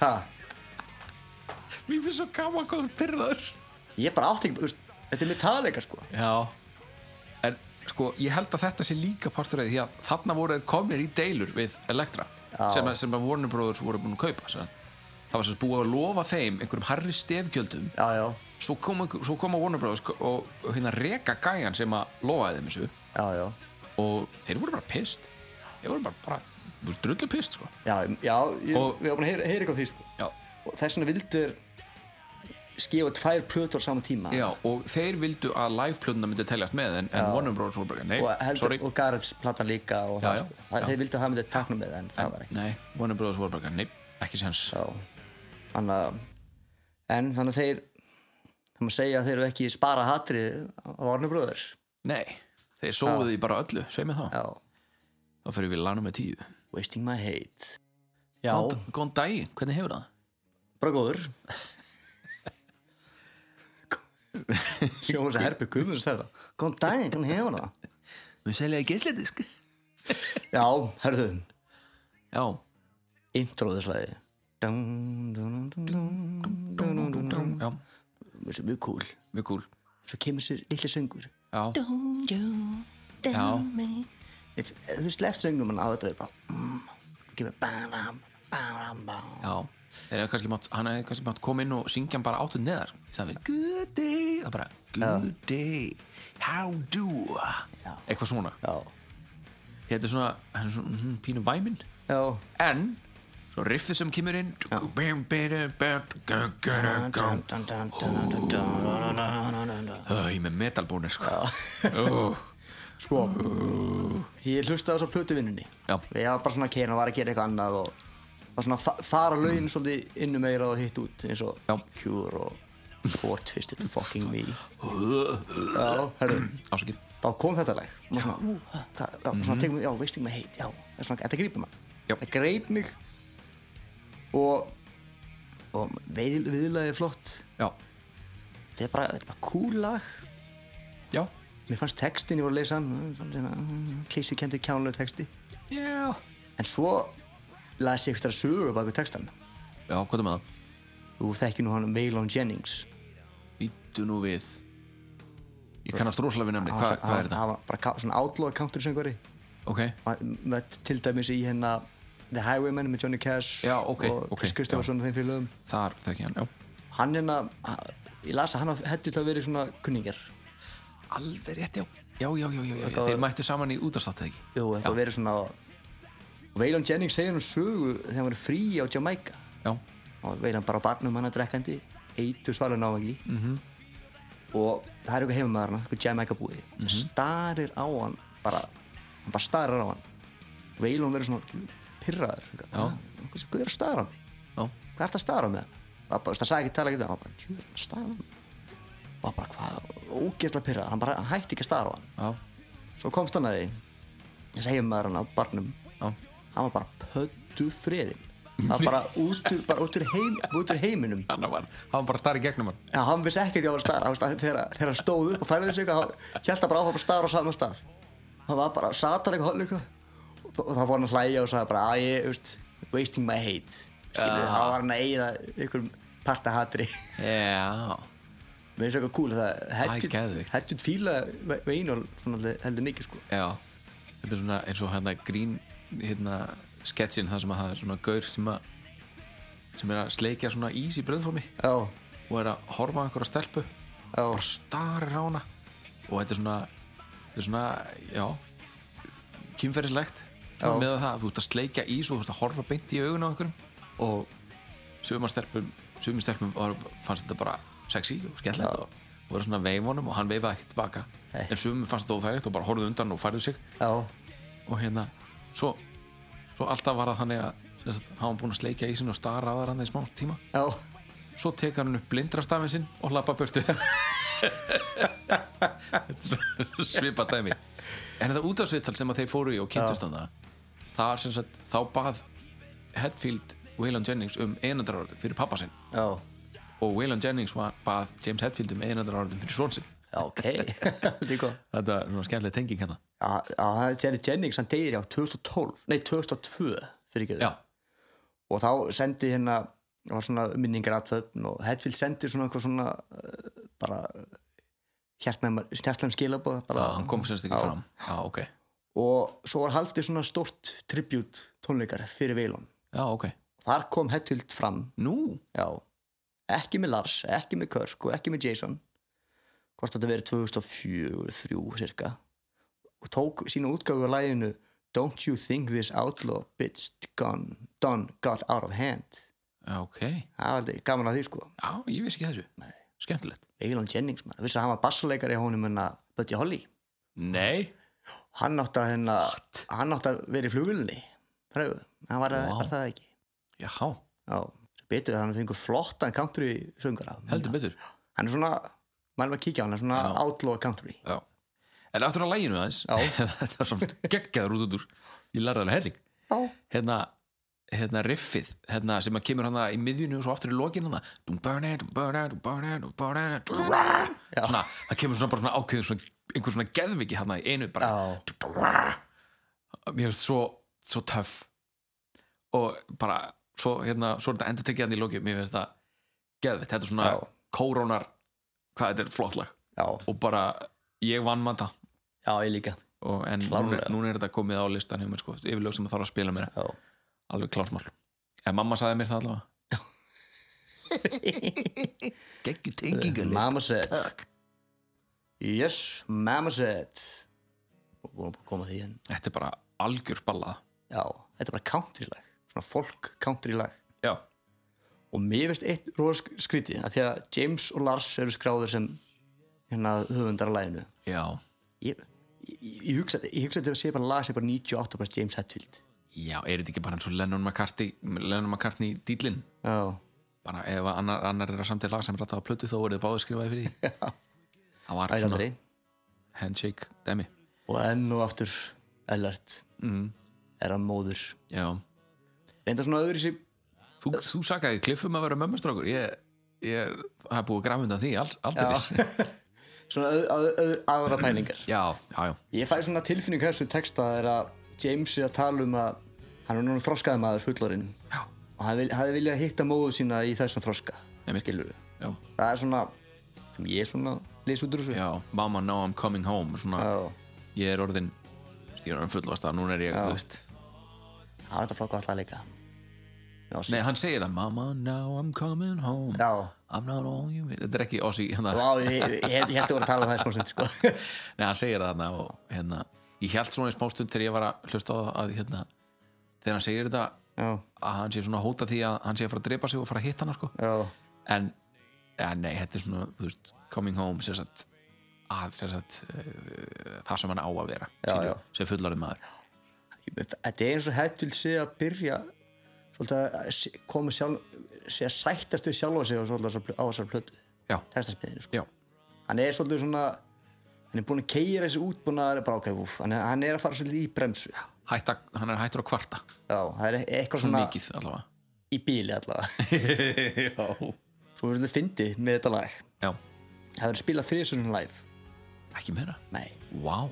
að spila seinast 7. september 2004 Mhm. í Nashville, Tennessee Mér finnst það- eiga, Það er- mér finnst eiga mjög vel við sko. já, að það var spilað ég, seinast já, þar. ég er bara alveg sammálaðir þar já, herðu, ekki nóg með það, það byrjar á kassagítar já, og sko, hann er ekki einu svona plokka, hann er bara að strömma gítar, hann er bara svona slá, alla, slá, slá alveg fulla hljóma þetta er bara sem er algjörsanlega úr karakter já, við hann bara James helst strömmar ekki nei, en hann gerir það þarna og bara þetta er útrúlega flott, flott lag já, þetta er þetta er bara, þetta er hettvilt já, ég hef alltaf sagt ef Metallica myndi brotna upp og bara fara til fjandan já, þá var Hetfield rosalega flottur soloartisti í country, Já. hugsaði ég. hann hefur þetta, hann hefur, hann hefur persónuleikan hann hefur röddina í það svolítið svona alveg, alveg híkust Veist, hann er rólegur svona ég, veist, hann, hann, veist, maður sér setna árum hann ræður ekki alveg við að fara hátt upp sko. Mhm. Nei. það er svona, hann gera það samt Já. fólk, er bara, fólk fyrir ekki á hann fyrir það já, ég minna, koma Þú veist, hann er búin að vera að refsa röddin í, í ykkur síðan 82 já, já, nánast. en þetta, var- hann væri flottur country solo með solo fyrir í country já ég er alveg sammála því en þetta lag var að gefa út sem smáskjá já, og því fylgdi tónlistarmiðband þar sem að James er klæddur í fjólubláa silkiskirtu með kúrikat er ykkur svona skrítni, skrítni limusíu Já, já, þetta er, þetta er svona maður er svona, er þetta legubíl, er þetta limmús maður veit ekki alveg setur hann aftur í með kassagítarinn Já, og fer í eitthvað svona cross country Já. ferð og hann er einu, einu bandin sem er í myndbandinu en svo sjást Já. hinn svona einhverju svona Já, þegar bílinn stoppar í miðri eðimörk og þeir, þeir allir í svörtum svörtum, hérna, svörtum stuttarmabólum og göttuna Þetta er eitthvað, maður þarf það kannski átt að vera svona, vera gappa er hellilega svona fyrir. Já, ég veit það ekki Ha. Þetta er, já, svo er eitthvað svona smá pissustoppa bensínstöð þar sem að hann er aðeins að tegja úr kroppnum og, og nutta hárið undan hérna kúrika hattinum og eitthvað svo, svo þegar hérna myndbandið er búið, þá kemur í ljós að James satt bara svona aftan í svona bíl líki, þetta var svona bara afturhemlingur á bíl sem var bara opinn og fyrir aftan var bara svona skjár þar sem var bara svona playback af Já. svona einhverjum að kera Já, sem sagt, þetta var bara sko stúdjóið, hann var bara í stúdjó allan tíman, hann var ekki Já, það er nefnilega málið sér Alright, Mind mama blown I know, þetta er Eh, mér finnst hann svona hann á svona erfitt með að hérna, halda andliti Já, hann er svona einn þarna og hann er ekki, hann væntanlega ekki drukkin nei, þar að leiðandi svona alvara uh, hvað segja, alvara málsins svona situr á honum og hann á erfitt með að þú veist, vera bara hann og syngja sko maður sér svona glitta í svona ó, þetta er svo óþægilegt já Eh, ég allavega, mér fannst ég sjá það Já. en það er bara, það er kannski bara bull í mér en ég, mér fannst ég sjá það hana hjá honum Já. erum við að fara að halda áfram með það Já, ég hugsa það Var í Thorn Within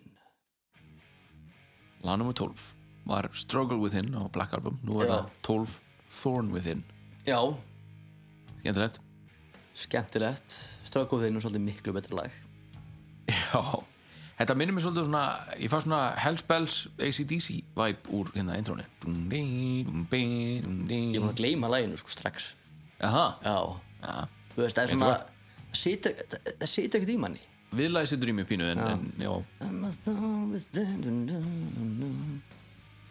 þetta er svona þetta gríp, þetta er ekki þetta, þetta, það samdar ógeðslega vel lagið, bara, bara gítarinnir og bassinn og trommunar og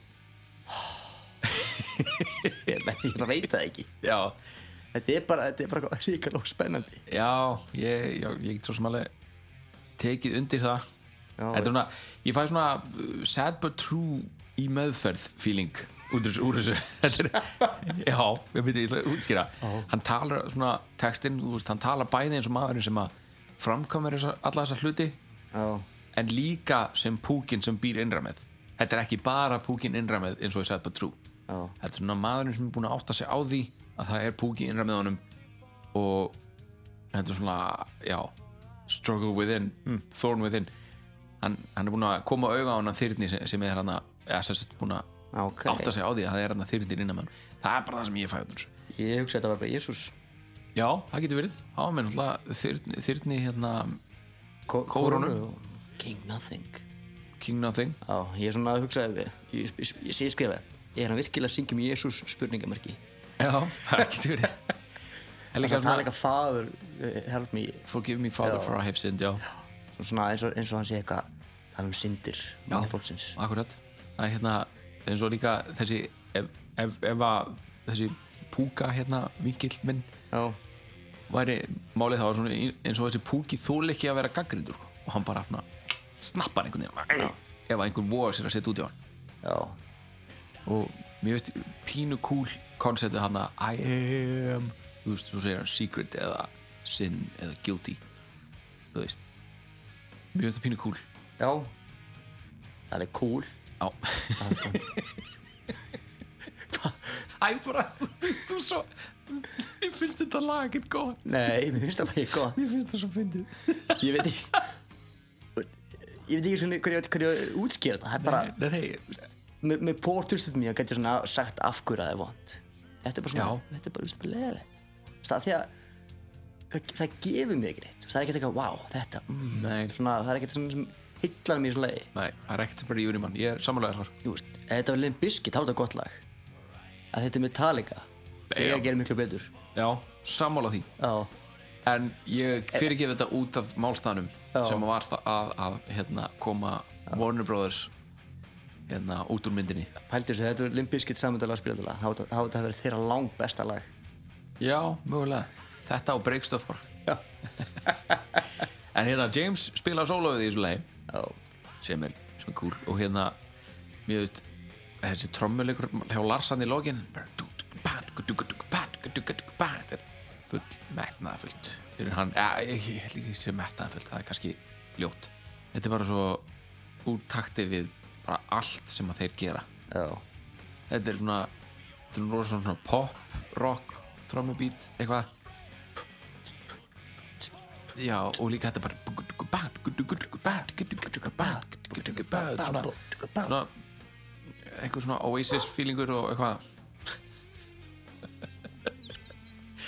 Siggi er officially búinn að gefa skít í þetta lag já, að hann var að reka við hérna en hérna já, ég hef ekki mikið við þetta að bæta Hammett samt þetta lag, hann er með co-write á þessu já Newstead fekk ekkert co-write á lót nei, sem er miður kannski, ég veit það ekki ég held, ég hugsa en að það heyrist samt í bassanum, á allri blöðinni Já. það heyrist rosalega vel í honum já, það er eitthvað já, það er bara guðsur lof fyrir Bob Rock við erum ekki búin að tala mikið um hann Nei. ekki nema bara hann að rétt í, hérna rétt í byrjun já, en já, ég mér langar ekkert að gefa þessu lagi eitthvað miklu meira aðtekli ef ég voru Nei. alveg hinskilin ég gaf bara skítið það ekki, ekki þ- þú sem erst að hlusta ekki miskilu, nei, þetta er bara ekki gott lag á Metallica skala heila Verður að hafa það í huga. já, þetta er Metallica scale já, sem að eins og sem er, sagði, sem er Limp að, Bizkit já, með hærri stáðla en allir aðri skala það það er bara þannig er bara svolítið hannig og þetta lag er ekki alveg nógu gott með við langflest hinlaug já, það það er bara þannig er bara svolítið- svolítið hannig 2.10 kannski nei, sko, þú verður að spara eitthvað til Lulu ok, ok, 10 af 100 ok, þetta er svona 1 af 10 skilju, 1 af 10, 10 af 100 ég ætla, ég ætla, ég ætla að fara svo hátt ok og ég segi bara ég nenni ekki að gefa einhvern Æ, við gerum það seinna kannski já, já, ég, ég er svo við lélegur erum sem bestu og verstu lögin eða eitthvað en við ætlum að, ætlum að fara í uh, að laga nummer 13 einhvern. og skjóta krakka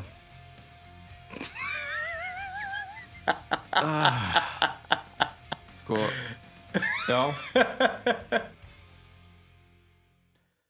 herðu, elert já þessi seinni helmingur plötunar eftir Já. Bleeding Me já, hann er ekkert að gera mikið, ekki góða hluti nema Wasting My Hate og Mama Set eins og þeir já, þetta er eiginlega þeir eru að endur taka meðstökin frá svörtublutinni já, ég er saman því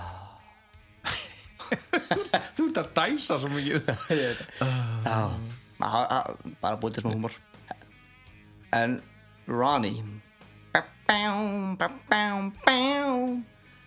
Eh, þetta reynda að vera með- eins og við myndist á já, mjög flott basslína hana í byrjunni já, komst á bom, bom, bassanum er gefin góð skil líka já. og eins og þú sagðir Ted Nugent já, þetta er Ted Nugent á rifin dun, dun, dun, dun, já, can't match sem er svolítið svona gaman hugsið þetta því að textin er svo leiði, Ronnie já, þetta er um hann Ron Brown mm -hmm. kallaður Ronnie Brown frán, svona skeifa svona, hmm, fílu skeifa Mm. já hefðu hægt árið 1995 Já. Mhm. í Washington fylki mm -hmm. vestur strandamandaríkjarnar þar var einhver strákur sem maður veist ykkur fílubúki og ja, ok, ok eitthvað sem var hann var nýðurlægur vist eitthvað í skólanum og já, mætti með byssu já, en ég náði ekki að finna hvort hann hefur sk- verið að skotið upp skólanum eða ekki, varstu hvað hann var gaman ég, ég veit það ekki nei, stóð, þú veist, elementary eða high school eða, ég veit það ekki Nei. ég, bara ég fór ekki svo, kafaði ekki svo langt en nei, Ég enda á Reddit með þess að ok Það var sagt að það var ekki, enginn hefði neitt skotin já, ég sá eitt, eitt þráður reddit þar sem að, að tala um þetta hafi verið í Oregon sem er þarna sunnan við Washington fylki en Oregon. allt annar allar aðra síður segja að þetta hafi gerst í Washington fylki, Já, þannig já, ég já, held að það sé já. rétt Sem þetta skemmtilegt er ekki hérna Það er svona smá grunge tenging við Washington fylki jú, jú, Seattle er náttúrulega já, hérna já, akkurat Minna, Nirvana og, og hérna, var ekki Alice in Chains þaðan líka Jú, jú. og, og hérna, gott ef ekki Pearl Jam líka Já Svo er einmitt gaman er, gaman er alltaf Svo gaman er mann að tengi eitthvað saman eða verð já, Þótt að þetta sé smá svona viðkvæmt Já, já, þetta er náttúrulega, þú veist, það er bara ömulegt að þetta hafi Já, gerst, að já, sjálfsögðu er já. það ömulegt. En Ted Nugent Já, Hann er svona Hann, hann, hann er svona second amendment gæði Já. Döðans og, og svo gaman að sjá tónleika hjá honum já, Það er hvít fólk í kaheikibuxum í pól og skiptum og Kaki buksum, já, já. Second Amendment fyrir þau, þau sem veit ekki þau, sem sagt, það er- það er ímislegt þar sem það er innifálið en þar á meðal er sem sagt, the right to bear arms eða já. rétturinn til þess að bera skotvapn Já En svo er líka Ted Nugent um pissu, ég var hann rættur um- Ted Nugent, hann er með sinna eigin línu af skotfærum Já, skot, er, er, er, er ekki hérna er skot, sem sagt, vopnin sjálf eða, eða Skotfæri, kúlur skotfæri Já, ok, Það er Kúlur já, kúlur, ok, já, Byssukúlur já, og- þá skildi ég þetta rétt Og það er svona mynda Bandarískja honum, svona mynda honum Með kam og kúrikahattinn og Og með, með trillirinn hérna Já Tussutrillirinn Ég ætla ekki að segja þetta Akkur ekki Þú tókst þetta ekki Ég hef alveg hirt þetta að kalla tussu drillið á þér sko Já, blessa, það er vist afstanna því Soul patch er þetta að kalla stundum Það var, var vond að því að þetta yfir á ennsku Nei, nei Pussy Wilder Pussi Ég, hvað þetta er vond ah, Akkur, já, Pussi Wilder já Það er Framhald á hérna Van Wilder myndinni Já. með Ryan Reynolds Nei Já, en Þetta er Mér finnst þetta að vera skásta lagið af hérna Þorlum þinn Cure og Portraits in Me Já, líka En þessi texti sko, þú veist, þegar maður veit um hvað það fjallar Já. Lost my way this bloody day Já, er það? Já. Já, stegstu aðeins út á spórinu, lilli vinur Já, Heldur fokkin Petur Já Ah, ég hlifti af Djú Já. Nei Og svo, þú veist, svo The blood stained the sun red today Og þetta lag, þú veist Ef þú, ert- eh, ef þú hunsa textan og hlustar bara Og þá væri bara, laglinu væri bara, þú veist, spilað okkar hljófæri já, Þá hefur það ekki þennan þunga sem að Nei. svona school shooting hefur með sér þetta þetta er eins og þetta er eins og að segja bara svona Haha, Já. fyrir skólan að skjóta Já, þetta, er, þetta lægið ekki verið alls ekki til kynna að, Ó, að, það munu allir falla Dun, dun, að dun. viðfangarsefni sé svona þungt Já, Það er bara alls ekki það er eins og segja að gera grína þessu Já Daldið Sef, Já, mm, ég, ekki gott að segja Og ég ætla ekki að, ég ætla ekki að saka þá um að hafa að að vera að gera grína þessu en hérna, nei Hetfield, greina farin að fíla rödduna sína Já, Það er svo, úst, ég, ég punktaði hérna hjá mig fyrir þetta lag Og hérna Já, heyrðu, eitt, eitt já, í byrjunni dóring, hérna í- í- þegar það, þegar trómda kom inn Já. þá heyrið svona í bakgrunum svona brrrr. þetta er hljófarið sem heitir Vibraslap eða Vibraslap já, mér finnst það, svona, allt svona slagverist teint mér, mér finnst það svo gaman. já, þú ert Og- að flett hámentaði sla, slæðar tja, tja, Ha, að einhverju litið mentaður meðalmentaður, segjum það svona, svona meðalgreitur maður, þá er ég meðalmentaður heldur trommuleikari. góðum takti já, já, ágætlega allstaðar já, en that'll be fine já, er, ef við að taka síðasta lagið já The Outlaw of Torn lag nummer 14 loka lag plötunar já, og lengsta lagið á plötunni og Já. er þetta ekki næst lengsta lagið fram að þessu þegar sögu var ekki bara hérna þú lifist þú dag lengra ég held að það vera 9.49, þetta er 9.48 já eitthvað svo leiðis já, ég skrifaði hennar já, finnst þetta punktaði með læginu Stað. finnst milliparta læginu ekki góður já, svo er, eitthvað, svo er hlusta lægi núna bara rétti þessu já og þeir eru góður já, fá bara- fá betur ska ég er öðru skapi núna eða þá ég skil ekki en það, það er sko, ég, fyrsta sem ég fundaði hjá mér er, þetta lag er ekki eins mikið rung eins og lengding gefur í skil Já.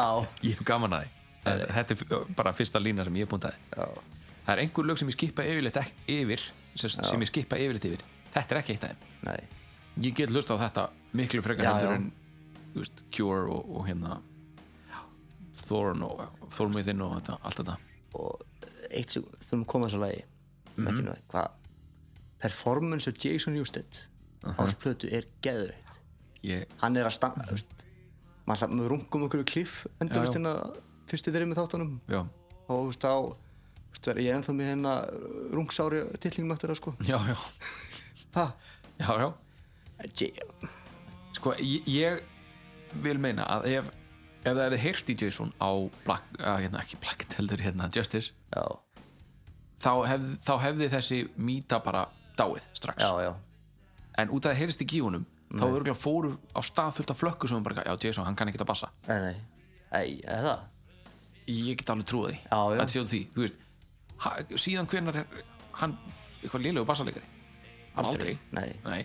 en bara út af henni er ekki kliff og hann spilaði Já. með nögl þá er alltaf bara eitthvað, "Ah, glataður hey, guess what, Paul McCartney spilaði með nögl já Ja- James Hetfield spilaði með nögl og girren en ég, nei, ég sá hérna á samfélagsmiðlum það var eitthvað hérna, var eitthvað sem að man ekki, man ekki alveg í hvað í, hérna, hvað samingi þetta var að- bara eitthvað hérna, já, við erum hérna eitthvað de, de, de, de, og við eigum það saminrætt með Jason Newsted að hérna, við erum í hljómsveit en við kunnum ekkert að passa og, og ég var bara eitthvað ah, hvað slags djúvisins cheap shot er þetta Já. gæinn hefði aldrei fengið gigið í Metallica ef hann væri lélegur á bassa Já, hann var ekki Cliff en getur hvað engin annar var Cliff en Cliff Nei. þannig að þú veist fólk má bara ef það allar vill eitthvað ræða það við mig svona í framtíðinni að þeim finnst Jason eitthvað lélegur að má bara slepa það sko. ég mun ekki hlusta þetta er bara,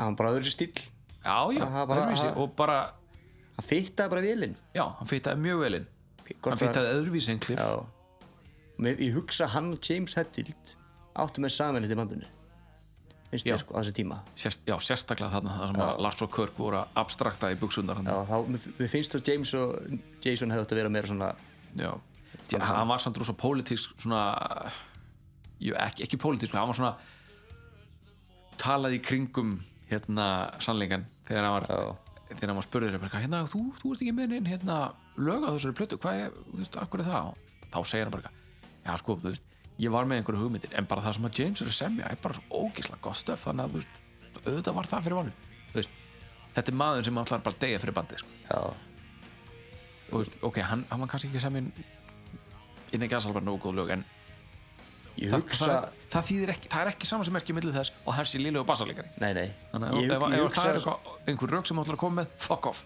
ég hugsa þess- það efni sem hann hefur samið það hefur verið svona meiri metal já, og kannski hans harðara efni og hraðara og já, ekki það hann og, hann og Kirk voru báðir mjög mikið að hlusta á Stevie Ray Vaughan og, og, og, og hérna Hendrix saman hver veit, Dave Grohl, hann var spurður sepa spurningu já, þú veist að nýrvana, akkur Já. var ekki meira efni komið frá þér Já. samið já, hann bara, ekki að lægi með ykkur ég var með einum besta s- lagahöfundi í heimi með mér í bandi hvað er að ykkur akkurat og ég er að koma með eitthvað mín í lög Nákvæmlega, Til svo var, hans. hann lí- svo var hann líka trommuleikarinn í því bandi Já. Það er ekki allir sem að geta verið, þú veist, geta haft þennan stimpil sem að Lars Úlrik fekk bara til eiliðar frá, frá Já. og með hérna, Killamore já, En förum aftur að læginu, já, rosa útudúbar strax já, Hérna, þetta þessi, hérna, þegar bassin og trommunar eru saman dum, dum, dum, dum, dum, dum, dum, dum, dum, dum. Þetta, ég fæ svona þetta væpið sem ég fæ, fæ frá þessu þetta svona róni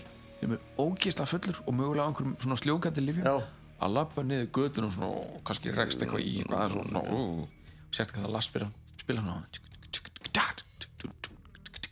þegar hann spila svona hratt þá, er- þá er hann svona ó, ó, ó, alveg að missa jafnvæð en svona er hann náttúrulega- ég fæ svona þannig væm frá þessu ég veit ekki alveg okkur ég bara hugsaði með þegar ég var að hérna, púta þetta niður fyrir plöðuna já já, þetta er sko svona þetta er einst viðlæðið ógæslega katsi Já. aukaðið já það, eh, þess að já, aukaðiðlega aukaðið, setnaðiðlega, já.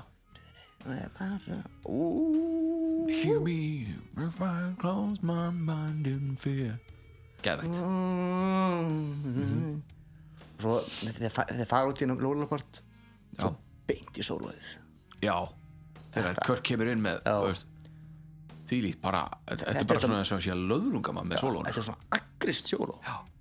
rosalega Ógeðslega kröftugt og mm búin að vera svolítið ólíkt þeim sem var á þessu plötu undan Já, hann er, hann er, kann- er kannski komið svona körk eitthvað já En eh, þetta er samt einhvern veginn bara nákvæmlega eins og Já. maður myndi halda dætt að vera já, þetta þetta er ekki eitthvað- Nei. hvað er option, Eddie Van Halen en um það. Já, alls ekki Já. Þetta er samt alveg, þú veist, ógeðslega busy en maður er bara eitthvað, já, nákvæmlega þetta, þetta er bara ekki breyta einni nót Nei. Þetta er fullkomið, nei, nei þetta er geggjað flott sóló alveg ógeðslega svo eins og þú nefndir svo kemur svipað partur aftur svona já, og já Ertu að horfa á það? já og svo kemur Sólans Hettil sem feitar lagið Já Lægin er bara átt að vera mínútur lengra Já. Nákvæmlega mínútur lengra En finnst það, það fullant já, það hefði kannski verið fullangt, ég veit það ekki En þeir sem sagt hérna, Þeir urðu að kötta eitthvað um mínútu Og út af því að þetta lag enda bara á svona jammi yfir Svona jam session yfir James Hetfield solo Já. Ákvaður að kötta þetta Og Veistu af hverju það var?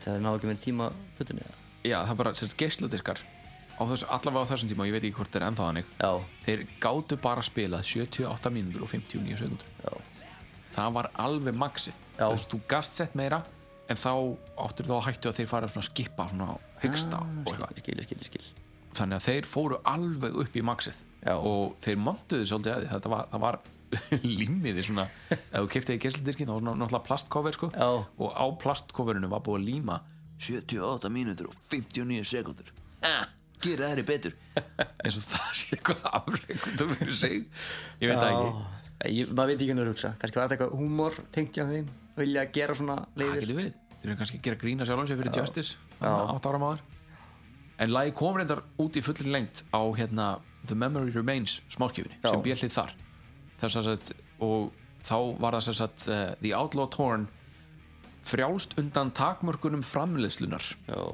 eða á ennsku ég þýtti þetta mjög illa en sem sagt á ennsku var það Unencumbered by Manufacturing Restrictions version Já. af þessu lagi þetta er svona, ég hugsa þetta er svona instrumentalag hlutinnar það er rosa mikið gerast í því. Já, með og hvað lít, þú veist, ekki mikill texti þannig, sko. Nei. og hérna þá talandi um textan Já, ég er búin að lesa nokkra ég, kenningar um hann. ég er svona að túlka eitt Já, gott um það. að þeir, það, það úst, úst með einhvern með einhvern, með einhvern kór Mhm. -hmm. það dettur eitthvað eitt úr kórnum Já. skilurðu, Já, kjarna, já, já, ok. úr kjarn- úr kjarnum Já. og það er svo mikil söknur á hann á á hann hlut eða manneski eða eitthvað Já, tala um klif. Já, það er svo erfitt að fylla það upp Mhm. -hmm. það er eins og þessi ekki til staðar til að fylla það upp Ég las mjög svipað, svipað ekki kenningar. eitthvað sem las og ég las textan og ég bara svona, já, já mm -hmm. Mhm. Mist, jú, djúpi textar þessu plötu mér finnst þið samt ekki eins þú veist, þau eru góður alltaf Já, en mér er svona heillandi með söguna og alltaf Já. á hinu plötunum það er svona Já. meira, ég var svona, ú, það er svona skemmtilega ú, Creeping Death og allt þetta, svona, já. þetta var miklu persónlegra Já, Þetta er flottir textar, ekki Já. miskilið mig en hún er persónlega stöf ég las aðra kenningu með þetta. Það var að þetta væri, sem sagt, uh, Guð og Jésús. Sem sagt, Outlaw Torn, sem sagt, rifin útlægi. já, Jésús var útlægi sem hann eldur á krossin og svo rifin niður. já, Það geti verið sungið frá sjónarhundu draugs Jésús sem leitar af föðu sínum en finnur ekki. já, því Guð er ekki til innan gæðsalaba, að minnst okkur ekki í þeirri mynd sem James var kent í æsku gæti verið það, eða Saga Gísla svo svonar, ha útlæðin